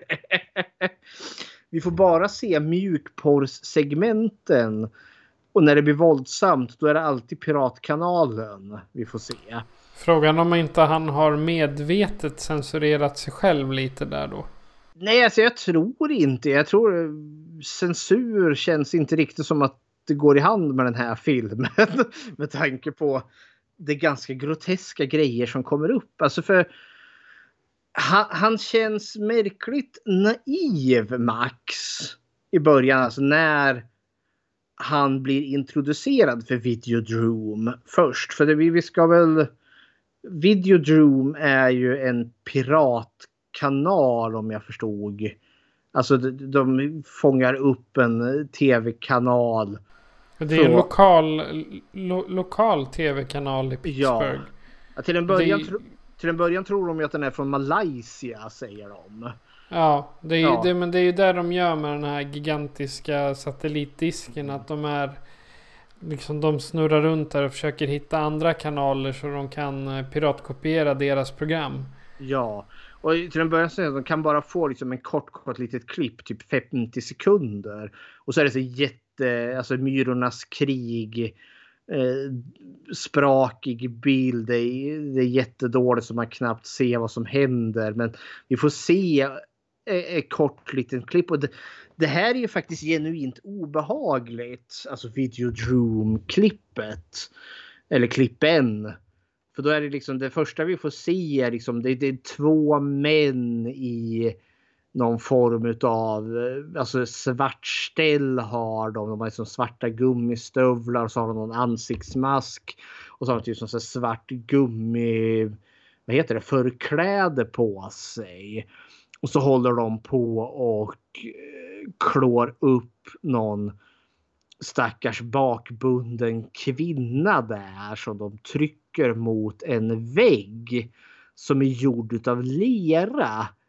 Som allt verk ska tydligen vara strömförd. Alltså det går ström genom den här blöta lerväggen. För det, det, och det är bara vad det är. Alltså de här männen som bara misshandlar den här värnlösa kvinnan som inte kan försvara sig och hon som skriker. Och han Max tittar på det här liksom storökt. Eh, undrar liksom vad är handlingen? Vad är det som händer? Nej, det är bara det här. Det är, de håller på tills hon är död. Jaha. Och sen förstår vi ju att de måste ha gjort det här lite bättre för han får längre klipp och han tar med det där hem och så sitter han och tittar och är helt fascinerad av det här Videodrome. Som bara är våld och död och ingenting annat. Eh, men han säger också i början att han är så fascinerad och det ser så autentiskt ut. Och vilka skådespelareffekter och liksom åh det är så snyggt. Och jag sitter och tänker trodde han inte att det var äkta en enda gång? Eller vad då? Alltså hur lurar han sig själv? Att det här inte är, han verkligen genuint intalar sig liksom, oh men det här måste vara fejk. Eh, för- våldsporr hade väl inte... Alltså då, då menar jag sadomasochism och sånt. Det, jag vet inte hur pass vanligt det var att visa på tv då. Jag vet inte, alltså det, det har ju funnits, det, det nämns ju lite senare i filmen. Det är hon Marsha som nämner det här som snuff. Eh, tanken om snufffilmer. Ja, just det. Det var ju någonting som upp, alltså den benämningen dök ju upp någon gång på 70-talet. Liksom att man hade filmade mord. Alltså tanken med snuff var ju att man lurade unga kvinnor då i, i, eh, i tron att de skulle göra en porrfilm. Men så visar det sig då att de blir mördade på riktigt. Då. Och så filmas detta och så säljs de här kassetterna på en svart marknad. För sjuka människor som går igång på sånt här. Eh, och det har varit en seglivad myt. Eh, som eh, fortfarande liksom ligger kvar. Man, det finns väl liksom rent kriminalhistoriskt finns det liksom inga så här riktiga snufffilmer enligt den definitionen där liksom man säljer dem kommersiellt. Men det är ju vad Videodrome är. Det är ju Det är ju liksom- en eh, fiktiv snufffilm. Ja. Ungefär Fast- som alla i eh, VHS-serien. Det är också fiktiva snuffferier, Ja. snufffilmer. För jag menar, Ja. alla dör ju förr eller senare. Och sen, det. och sen huruvida det är att de, det är någon som mördar dem eller att de dör av eh, ol- olycka eller vad som helst. Men det är alltid någon som dör i varje, Ja. varje segment. Och i VHS har du ju visserligen att du lägger till ett övernaturligt element så då vet man ju att det är fake. Men, men Videodrome verkar ju... det- är bara liksom en kavalkad utav våldsam och utdragen död i det här rummet med den här lerväggen. För det är alltid samma rum de befinner sig i. Eh, Sen när han eh, ligger med eh, Nicky. Ja, han hon som, spelar, de- som Deborah Harry spelar. Då Ja. ligger de ju och, och har eh, samlag på det där golvet. I hans huvud. Typ. Ja, det kommer ju alltså. Vem är Nicky Brand då? Eh, nu ser jag, hon heter ju Deborah Harry i Mm. originalet. Eller Debbie Harry. Vad så i originalet, det som är hennes riktiga namn. Ja, hennes riktiga namn. Ja, ursäkta. Men faktiskt, faktiskt så är det här eh, en... eh, Hon är castad som Deborah Harry. Ja, ja. Och sen eh, i, eh, i andra filmer så har hon hetat... eh, Hennes, alltså hennes skådespelarnamn har varit Debbie Harry. Mhm. Så, men i den här filmen så är det Deborah Harry som hon är castad. Och, Under. vad, och vad spelar hon här då? Jag har skrivit en rad där också. Det är en smått, frånvar smått frånvarande radioankare med sadomasochistiska tankar och nyfikenheter. Ja, alltså hon är ju någon form av fem fatal. Som jag. Alltså för han, eh, Max, han träffar ju henne på en intervju vid någon sån här eh, debatt, eh, tv-debatt. Där de ska ju snacka videovåld och sådana saker förstår jag. Där han då ska eh, hållas ansvarig eller ställas till svars. Eh, där, där han då träffar hon Nicky Brand. Eh, och de blir ju jätteint... Hon, hon är ju spännande tycker han. Eh, och så blir de ju... Han, han raggar ju på henne där och då. Hamnar- Mitt under sändning. Ja. Men sen är det också något som är bisarrt där då. För det, det, det är ju... Vi har ju eh, hon som håller i debatten. Och så har vi eh, Max Ren som sitter i en stol och sen Nicky Brand som sitter i en stol. Och så finns det en tredje karaktär där som heter Brian Oblivion. Som bara är där. Han, sitter inte i fåtöljen utan det är, han är bara där i form av en i, genom en tv-skärm. Det står en tv där som han tittar ut igenom. Så han är liksom inte med i fysisk format. utan Han är med liksom in, genom en tv som står där på, på en bänk. Och är liksom Han, eh. Han gör väl aldrig offentliga framträdanden? Nej, han gör ju inte det. Och vi kommer ju komma till varför han inte gör det. Men eh, tillbaka till Nicky. Eh, som du säger, hon, hon är en nyfiken karaktär. Alltså hon känns gränsöverskridande. Hon är på jakten efter den nästa kicken. Alltså hon känns som en sån karaktär som skulle tycka att det är trevligt att öppna The Lament Configuration och träffa Cenobitesen i Hellraiser. För liksom hell what a kick. Men för, för hon... Alltså hon, hon känns... Alltså hon har ju en BDS... Alltså det, det finns något BDSM över henne. Hon gillar att ta det till extremerna. Och det Hon kommer så- gillar när det gör ont. hon gillar när det gör ont. Hon bränner sig själv med, eh, ja, med cigaretten. Hon vill ju att eh, Max ska skära henne i axeln med, med, med en fältkniv vid ett tillfälle. Och vi ser att hon har liksom tidigare R där. Och samtidigt får vi också se henne när hon är i jobbet och arbetar som någon form av radiopsykolog. Eh, Så jag gillar karaktären Nicky för att hon, hon, hon är den här kvinnan som gillar det här väldigt extrema och eh, liksom ja men hon går igång på, på smärta på att liksom tänja gränserna rejält. Men hon porträtteras inte som att hon är ett offer. Ungefär som att Åh, min pappa slog mig när jag var liten så nu tar jag ut det här på mig själv. Nej, hon känns som en stark kvinna som har hittat det hon vill. Och jag känner inte att Cronenberg skambelägger henne på något vis och vänster för att vara den här kvinnan med den här väldigt specifika extrema smaken på sex. Alltså jag upplever liksom att eh, skulle jag träffa Nicky Brand i verkliga livet så skulle jag nog vara jätte vad heter det intimidated eh, jag skulle ha stor respekt för henne för hon skulle kännas liksom som att hon, hon är så jävla säker i sig själv. Hon är så rotad i, i eh, vad som är hon och hon funkar liksom i sociala sammanhang. Eh, för det är så lätt att skriva en sån här karaktär till liksom att ja, hon går igång på smärta och lidande för att hon är en trasig människa. Hon är en fallen människa i behovet av läkning. Nej, Nicky Brand är inte i behovet av någon läkning utan hon, hon eh, är liksom en stabil och eh, hel människa. Så, så jag tycker hon är jättefascinerande.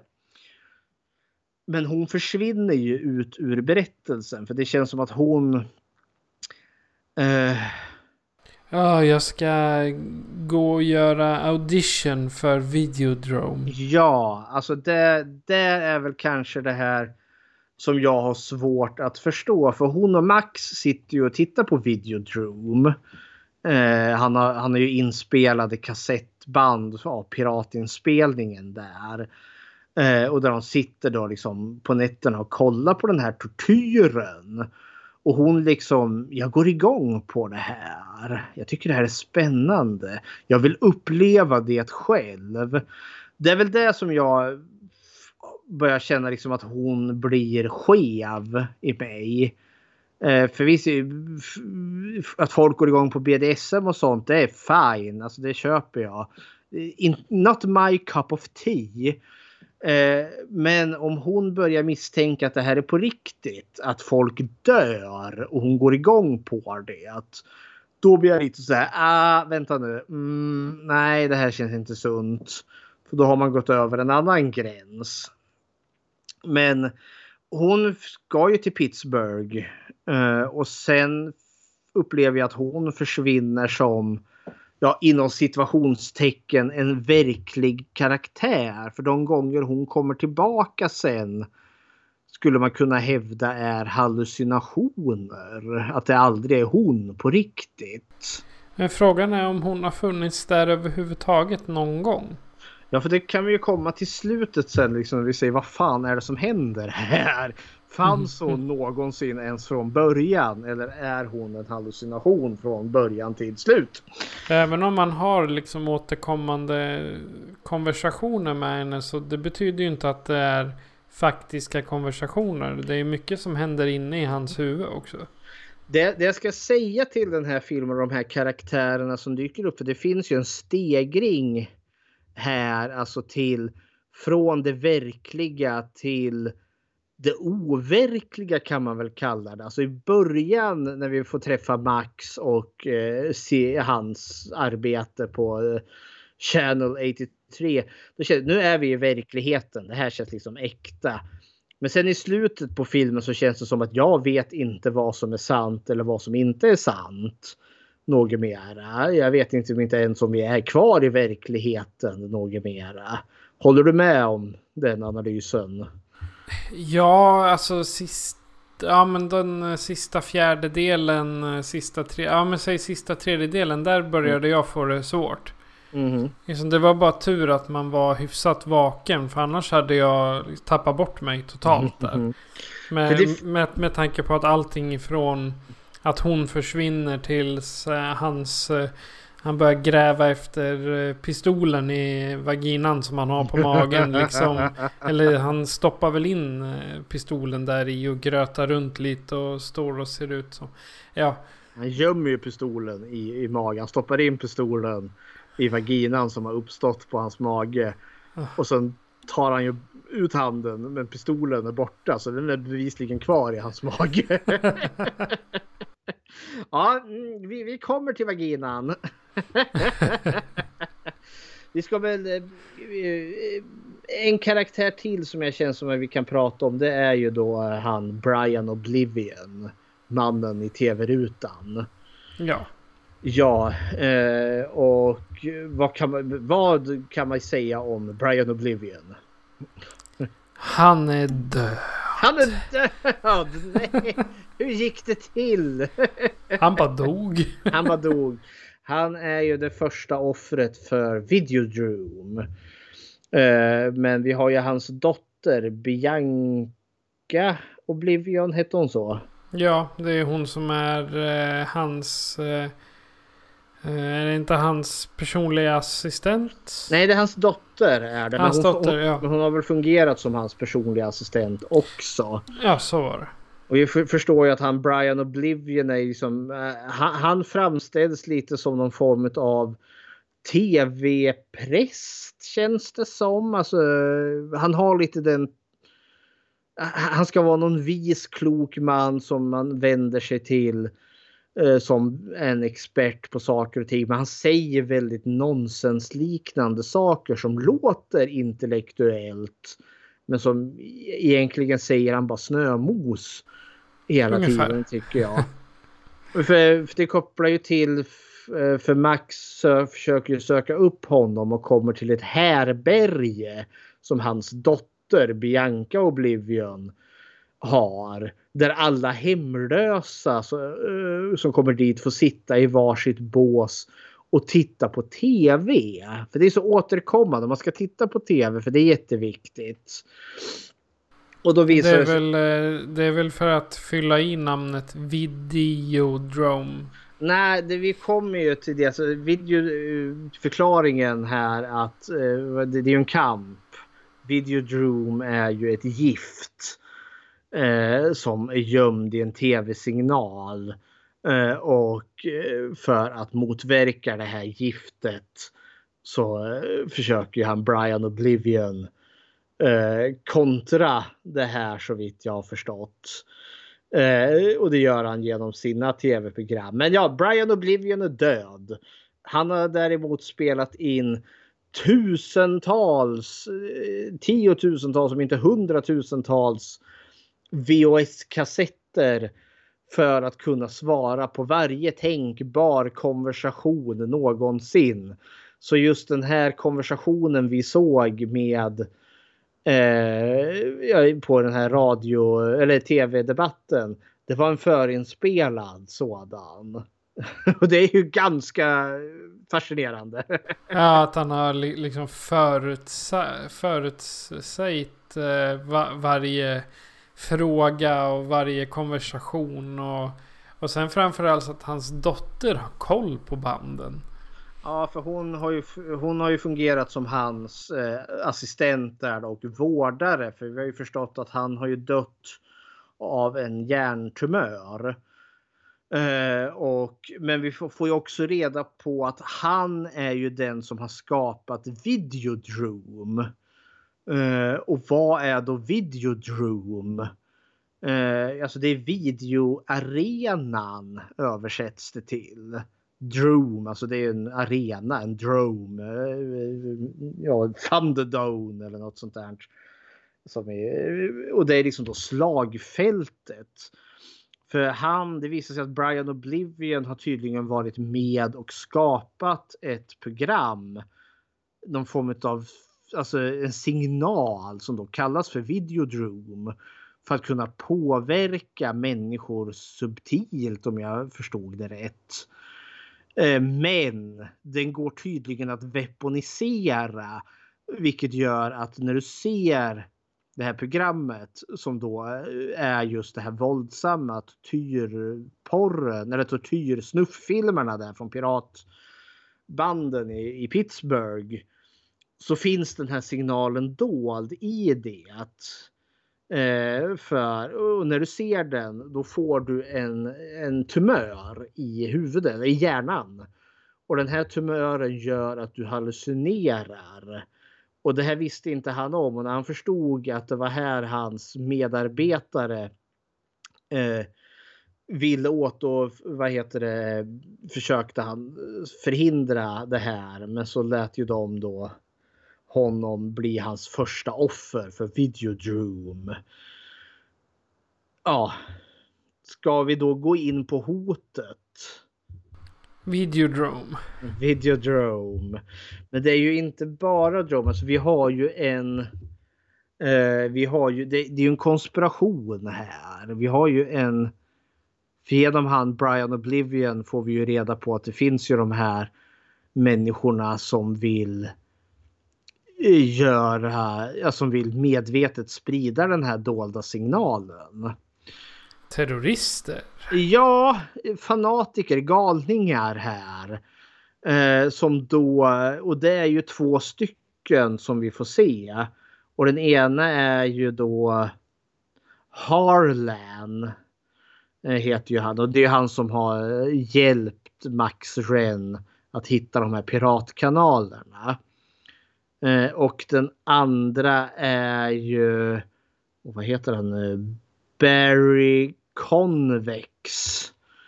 Som verkar vara ledaren för det här och han, Barry Convex är ju ägaren utav en optikerbutik eller en optikkedja alltså där de säljer eh, vad heter det mm, glasögon i sp Spectacular Optic. Eh, We watch the world. Vi ser världen. Som är deras subtext. vi hörde ju lite av dem i, i introt. Där vi hörde Harlan. Eh, som pratade om att eh, världen håller på att bli hård. Eh, vi, men vi håller på att bli mjuka. Eh, soft. Vi behöver bli hårda. Så därför ska ju de sprida ut the videodrome eh, signalen där. Eh, och det gör de ju med de här hemska tortyrsnufffilmerna. För de vet att folk kommer titta på det här. För de kan inte undvika att se det här groteska. Det är inte som att titta på en bilolycka. Man kan inte slita blicken ifrån det. Och på så sätt så kommer de att få bort alla människor som de anser är vidriga. För att de kommer ju få de här hallucinationerna. Men det är ju mer än så. För den påverkar ju inte bara, du får inte bara cancer och ser hallucinationer, det påverkar ju kroppen. Du förändras ju, du får ju den här vaginan på magen exempelvis. Och då kan ju de programmera dig, de kan styra dig, de kan stoppa in videoband i den här eh, vaginaöppningen. Ungefär som att det vore öppningen till VHS-spelare också. och då kan de programmera dig och det gör de ju med Max. New World Order. New World Order eller The New Flesh här som det heter. The New Flesh Order. The New Flesh Order. Där eh, då, för de vill ju att han ska mörda sina eh, kollegor. Eh, för, på, på Channel 83 Civic TV för att en sån vidrig kanal. De visar ju bara sex och våld. Eh, och så kan de, eh, och det är så de ska börja sin revolution med att utrota allt oönskande. Ja. Eh, har, jag, tycker, har jag tolkat det här rätt? Jag tycker du har tryckt ihop i stort sett hela hotet på den där 38 sekunders ranten ungefär. Jag men, tror vi har fått ihop hela hotet där. Ja, men vad, hur, hur, hur tänker du? Känner du inför liksom dina tankar kring konspirationen, Videodrome och allt vad alltså, det är här? När, när jag såg det, jag kom bara att tänka på 5G. Och Bill Gates. liksom. det, var, det var nästan som att eh, se. Ja men Det är ju precis så där folk beter sig kring 5G och sen när Bill Gates säger, när de har fått för sig att Bill Gates ska injicera mikrochip i dem och så, a- allt. Eh, jag kommer bara tänka på 5G, på 5G hela tiden här. Ja, för det, jag kan inte göra annat än att hålla med. För det var ju det, alltså jag nämnde ju innan här att jag tyckte fan vad det här känns, alltså 2021. Alltså anpassningsbart. Ja. Eh, och den här är ändå så gjort 83. Eh, grejen är ju sån där för att det jag tolkar som är det här budskapet är att alltså den här filmen handlar ju om teknik. Ny teknik. Vi ser det, det första vi får se i den här filmen är ju när Max Renn vaknar. Han ligger och sover. Och så blinkar han tv till och då är det hans sekreterare som börjar prata. Detta är din eh, your wake up call. Alltså det är din väckarklocka. Du har de här mötena här och här och bla bla bla bla bla bla. bla. Och så måste han vakna och göra sig i ordning för dagen. Alltså där har vi ju det liksom. TVn säger åt honom vad han ska göra och han arbetar för ett tv-bolag. Han är på konstant jakt efter nya tv eller eh, kanaler. De hittar det med hjälp av den här jävla paraboldisken. Alltså det är ny teknik och ny teknik förändrar. Alltså det förändrar vårt sätt att leva. Eh, jag, jag, såg något så här spännande. Alltså det påverkar våran verklighet, våran verklighetsuppfattning. Ja. Jag såg en sån spännande tanke som jag inte hade tänkt förut. Eh, men, men som, som slog mig. Eh, alltså skjutvapen, pistoler, gevär, eh, automatvapen. Jag har inte skjutit en dag i mitt liv. Jag har inte hållit i en pistol mer än en leksakspistol. Jag har hållit i en soft air gun och skjutit med den. Men jag har aldrig skjutit med, alltså med ett riktigt eh, skarpladdat vapen. Men jag har en verklighetsuppfattning kring pistoler och vapen. hur man laddar dem, hur de låter eh, och allt det där. För att jag har sett så jäkla mycket filmer där just skjutvapen används.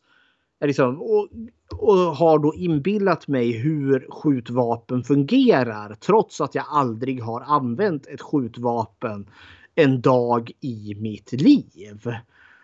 Och jag tänker det är lite där kanske Videodrome är ute efter. För liksom vi skapar en ny värld. Alltså jag har ju fått en verklighetsuppfattning trots att jag bokstavligen aldrig har skjutit ett vapen i mitt liv har jag en verklighetsuppfattning över hur vapen fungerar för att jag har sett det så jävla många gånger. Jag undrar om inte det Cronenberg är ute lite efter här. Uh, ja, vad tror du? Jo, men eh, jag har, eh, jag har faktiskt samma känsla som dig där att eh, det ligger lite subtilt allting. Det är liksom en sån här, det hintas om allt möjligt i hela tiden. Det är aldrig något sånt här att nu händer det här. Jag sitter och viftar med näven. Nu händer det här och det händer på grund av det här och nu så har vi resultatet. Utan i det här fallet så är det liksom, nu händer det här av någon orsak fast det kunde ha hänt så och nu kom det någonting annat in som gjorde att det inte hände. Ja, det är som jag sa i början, det är mindfucked Mm. om något. För sen är det just för du nämnde ju det här 5G exempelvis, den här rädslan för 5G-nätet och allt vad det är. Alltså tekniken är ute för att ta oss. Och att, att skaparna bakom 5G här är människor som inte vill oss väl. De vill kontrollera oss och styra oss. Och det är ju lite vad liksom Videodrome hintar om här också. Liksom att de här, ja men Harlan och Barry Convex, alltså de är ju ute för att med, med hjälp av den här Videodrome-signalen vad heter det, ta över Amerika. De ska ju rensa ut alla oönskade människor eh, och få bort det så att de kan få sitt perfekta samhälle. Och jag menar teknik, ny teknik förändrar och det finns ju faktiskt en genuin fara om det kan användas i, i dunkla syften. Så det finns ju en tanke där, så liksom den här rädslan för tekniken 83 som jag tror Cronenberg är inne på här är liksom väldigt tidslös även nu. Ja, alltså rädslan för teknik så fort någonting utvecklas. Jag menar den debatten som vi har om 5G nu. Det var samma när det kom 4G. Och när Mm. 3G kom och sen när mobiltelefonerna kom. Liksom allt, allt sånt och det är säkerligen samma med satellitmottagning. Hur eh, pass eh, man, man har diskuterat och hur, hur de här konspirationerna finns. Att ja men den här den kan grilla våran hjärna och när det blir varmt på örat då börjar du förlora hjärnceller och ja, allt vad man nu har hört. Då har vi den här body horror aspekten. Just den här, vi kommer ihåg med de här tidiga mobiltelefonerna man skulle ha aluminiumfolie i, i fickan om du hade telefonen där. För annars kommer ju strålningen från den liksom göra att du får cancer i benet och sådana saker. Eller bli infertil. Eller infertil eller du, du får cancer i hjärnan om du håller den för, för nära, eh, för länge vid örat och sådana saker. Och jag menar Videodrome, det är ju samma sak där. Hans kropp förändras ju. Han får ju vaginan på magen där exempelvis. Och det, och, det har gett honom cancer i huvudet så han hallucinerar och kan inte se vad som är verkligt eller inte då mera. Så, så det går ju ihop lite här. En annan tolkning som jag satt och funderade jättemycket på här är ju den logiska tolkningen. För nu, nu har vi ju snackat liksom det, det, svart på vitt om vi kör liksom filmens egen premiss här. Ja, det är onda videodroom här som ger dig hallucinationer och du kan styra dig och det finns onda optiker som vill ta över världen. Jag tänkte för det andra alternativet är ju Max Ren har en psykos. En hallucinogen psykos. Så vi får följa en människa som förlorar verklighetsuppfattningen totalt. För jag sitter och tänker liksom för om vi tar liksom den logiska, alltså en människa som bara tiltar något så fruktansvärt. För att det kommer, han, han har sett så mycket våld och skit och allt vad det är. Eh, att eh, någonstans plötsligt klickar det. Han inser det inte själv ens en gång. Och jag tänker liksom människor som har spårat ur alltså rent kriminalhistoria. Vi har ju han järnspetsmannen. Han hade, det var ju en kombination utav droger och psykisk ohälsa där han liksom såg troll. Det kom troll ut ur hans elektriska eluttag. Och han var tvungen att försvara sig och så sprang han ut med den där järnspettet och så slog han ju ihjäl den här äldre joggaren. Eller Mattias Flink i Falun där som hade en alkoholutlöst psykos. Som fick då för sig att Sverige var i krig. Så han, den här massakern han eh, begick. Det var ju han, han sköt på fiendesoldater. Det fanns inga fiendesoldater men han, i hans värld gjorde det där och då. Och jag tänker, är det här något liknande om man vill ha liksom den logiska förklaringen? Att Max Ren har en psykos och vi får följa den liksom vartefter liksom och ser den utifrån hans trasiga psyke.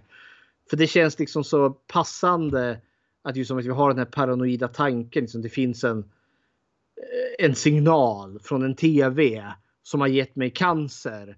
Eh, och det finns en ond firma som är ute för att mörda oss allihopa. Eh, och jag kan förhindra detta från att ske. Och i slutändan så är jag så tokig så att jag tror att jag måste eh, jag måste transcendera det här livet eh, genom att ta livet av mig. Eh, så att jag kan bli det nya köttet för det gamla köttet har dött. Jag tänker liksom det här låter så liksom som galenskap som en, liksom en, en jättesjuk människa skulle kunna liksom tänka sig. Om man nu liksom vill ha den logiska förklaringen. Vad sägs om den förklaringen? Alltså, psy- äh, det här med, med psykos, det var jag inne på redan när vaginan kom upp på hans mage. Då var det liksom, jaha. Nu är vi, och då, då fick jag liksom tankar till The Babadook ungefär. Att Mm. samma där, mamman kanske har fått någon sån här eh, en, en knäpp helt enkelt. Som man Mm. skulle säga i talspråk. Men att någonting stämmer inte i, där. Utan det är eh, verklighetsuppfattningen har försvunnit. Jag menar för både du och jag vet vi. Bara för att det finns en tv-signal. Så får vi inte vagina på magen. Och vi, vi kan inte stoppa in VHS-band där i och bli kontrollerade. Nej. Och jag menar, allt det vi ser att han gör. Det kan ju lika gärna vara att han håller på att ranta runt in i sin lägenhet och springer in i väggar eller vad han nu hittar på. Eller så är han ute på stan och ser, precis som Mattias Flink där att Ja, ja du är, eh, du ger mig ett kassettband eller eh, du är en ond optiker eller vad, Mm. vad som helst. Så att jag tror speciellt det här med, med psykos-tanken. Den, eh, jag skulle nog säga att det är den logiska förklaringen till allt Mm. han gör. Sen att det vart väldigt bra att ha det på film. Så, så att det ser ut som skräck. Det, det är liksom en bonus. Mm. Jag tänker det är det som är skräcken i den här filmen just att jag vet inte vad som är sant och vad som är eh, inte sant i den här. Och jag sitter och tänker just på Max Ren som karaktär. För även om han nu är ganska sleazy i början så har han någon form av moral ändå. Han vill ju exempelvis inte att Nicky Brand ska åka till Pittsburgh för att vara med i Videodrome. För han vet liksom att ja, men det är farligt på riktigt. Man ska inte göra sånt.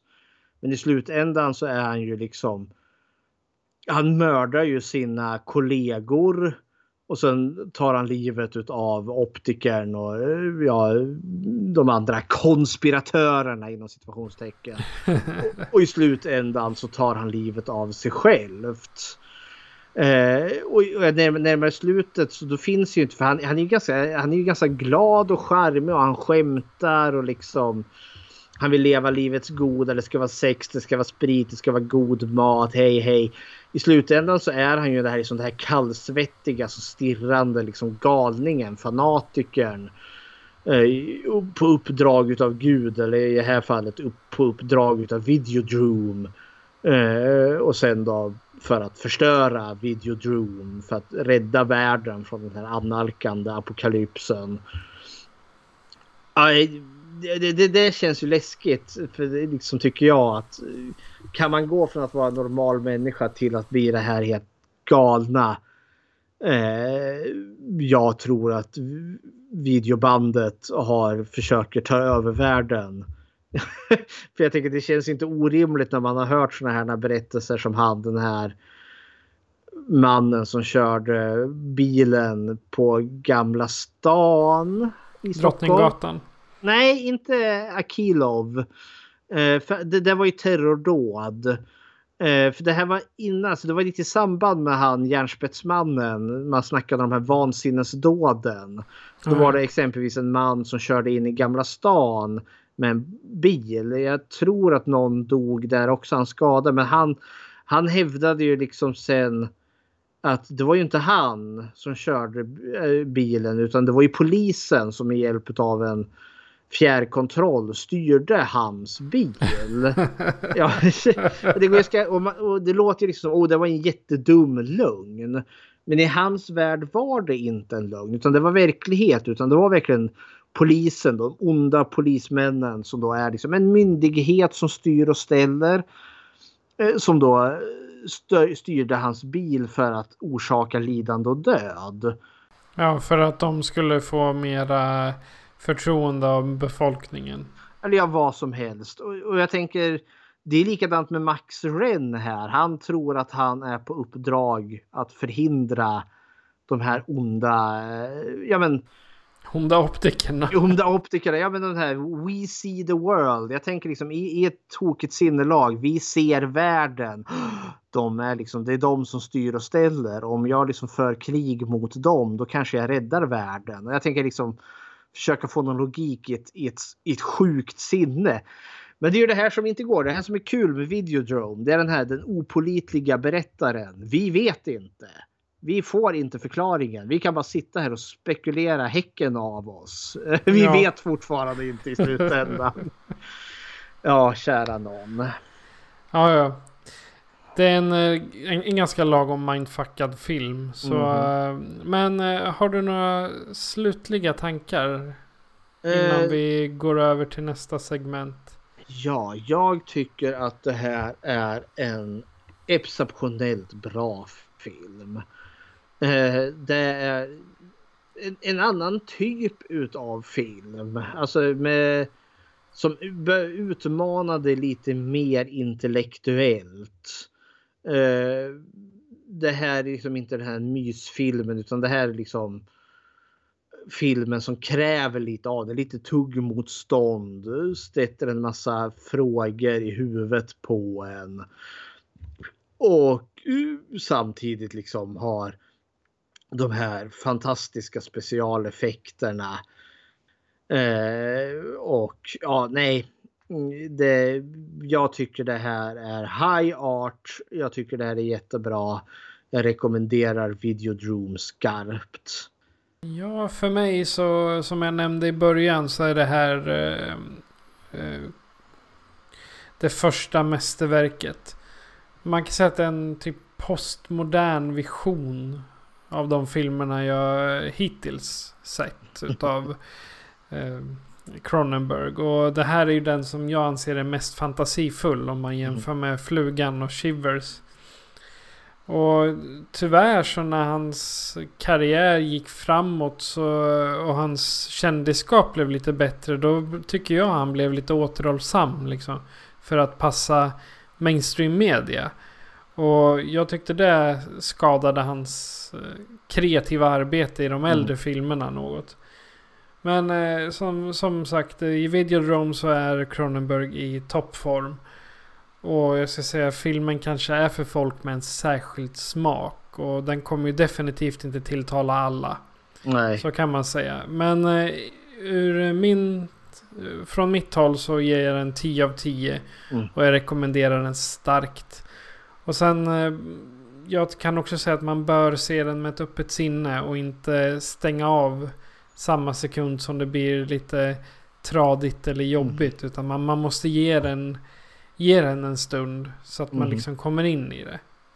Och bli inte skrämd av den här om ni inte har sett den här. För nu kanske vi har alltså, målat upp en jättesnurrig film. Men den är, i och med att den är ganska kort, den är ganska stringent och liksom den hänger ihop trots allt. Jag satt liksom inte här och kände att min hjärna håller på att gå sönder efter att jag sett den här filmen. Nej, det är ju en logisk timeline på den. Ja. Men Även så- om den är lite fuckad. så- ja. så, ja, hepp. Ja. Har du gjort något Bechteltest på den här? Det har jag gjort. Eh, det är en eh, kvinnlig representation i film och vi har för en liten tes att skräckfilmer är bättre på att fylla den här än någon annan genre utav film. Frågorna är då tre. Finns det mer än eh, två namngivna kvinnor? Möter de någonsin varandra? Och om de gör det, pratar de om någonting annat än män? Så vad har vi för kvinnor i den här filmen? Vi har Nicky Brand. Hon är med. Vi har Marsha. Eh, mjukporrsproducenten. Och så har vi Bianca Oblivion. Eh, så vi har eh, tre namngivna kvinnor. Träffar de någonsin varandra? Nej, det gör de inte. Så då sket det sig. Ja. Så tyvärr. En eh, fantastisk film som Videodrome klarar inte Bechteltestet. Billy, I want you to find the tallest skyscraper you can and throw yourself off, and then go fuck yourself! Så tycker vi om eh, bristen på kvinnlig ordentlig re- representation. Vanessa fick säga sitt. Hon fick ju det. Ja, Okej. Men om du som lyssnare då har någonting att säga om Videodrome, om eh, David Cronenberg eller någon annan eh, uppfackad film så kan ni göra så här för att kontakta oss. Skräckfilmscirkeln presenteras av Patrik Norén och Fredrik Rosengren. Patrik är producent. Besök oss på skräckfilmscirkeln.com för att se var du kan lyssna på oss, hur du kan kontakta oss och hur du kan stödja oss. Om du vill diskutera filmerna är du välkommen att gå med i vår grupp på Facebook som heter Skräckfilmscirkeln Eftersnack. Tack för att du lyssnar!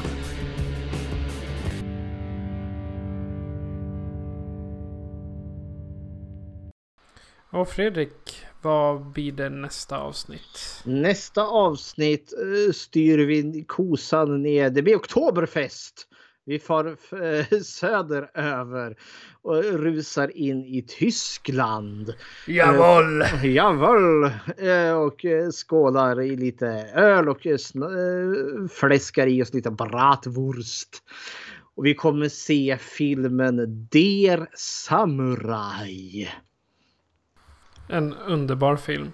Jajamensan, om vad som händer när en man i klänning beväpnad med ett samurajsvärd kommer in i en sömnig liten stad. Ja du, den staden blir inte mer sig lik kan jag avslöja. Okej. Okay. Jag tänkte vi skulle avsluta idag med ett Eskilstuna-band faktiskt som mm. heter The Keep Left Signs. Och låten som vi ska höra den heter Star. Så vi har bara en sak kvar att säga. Det att jag heter Patrik. Och jag heter Fredrik. Du har lyssnat på Skräckfilmscirkeln. Adjö på er. Adjöken. Long live the new flash!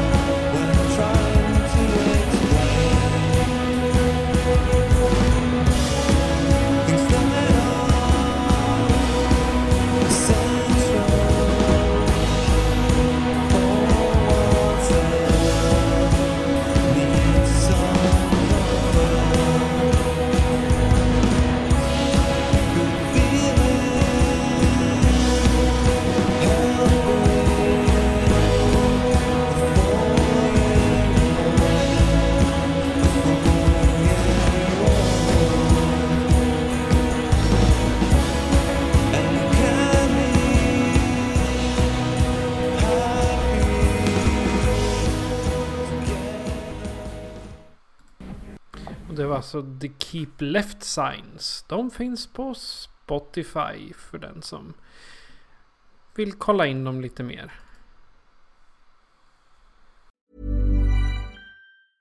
Cool fact a crocodile can't stick out its tongue. Also, you can get health insurance for a month or just under a year in some states. United Healthcare short term insurance plans, underwritten by Golden Rule Insurance Company, offer flexible, budget friendly coverage for you. Learn more at uh1.com.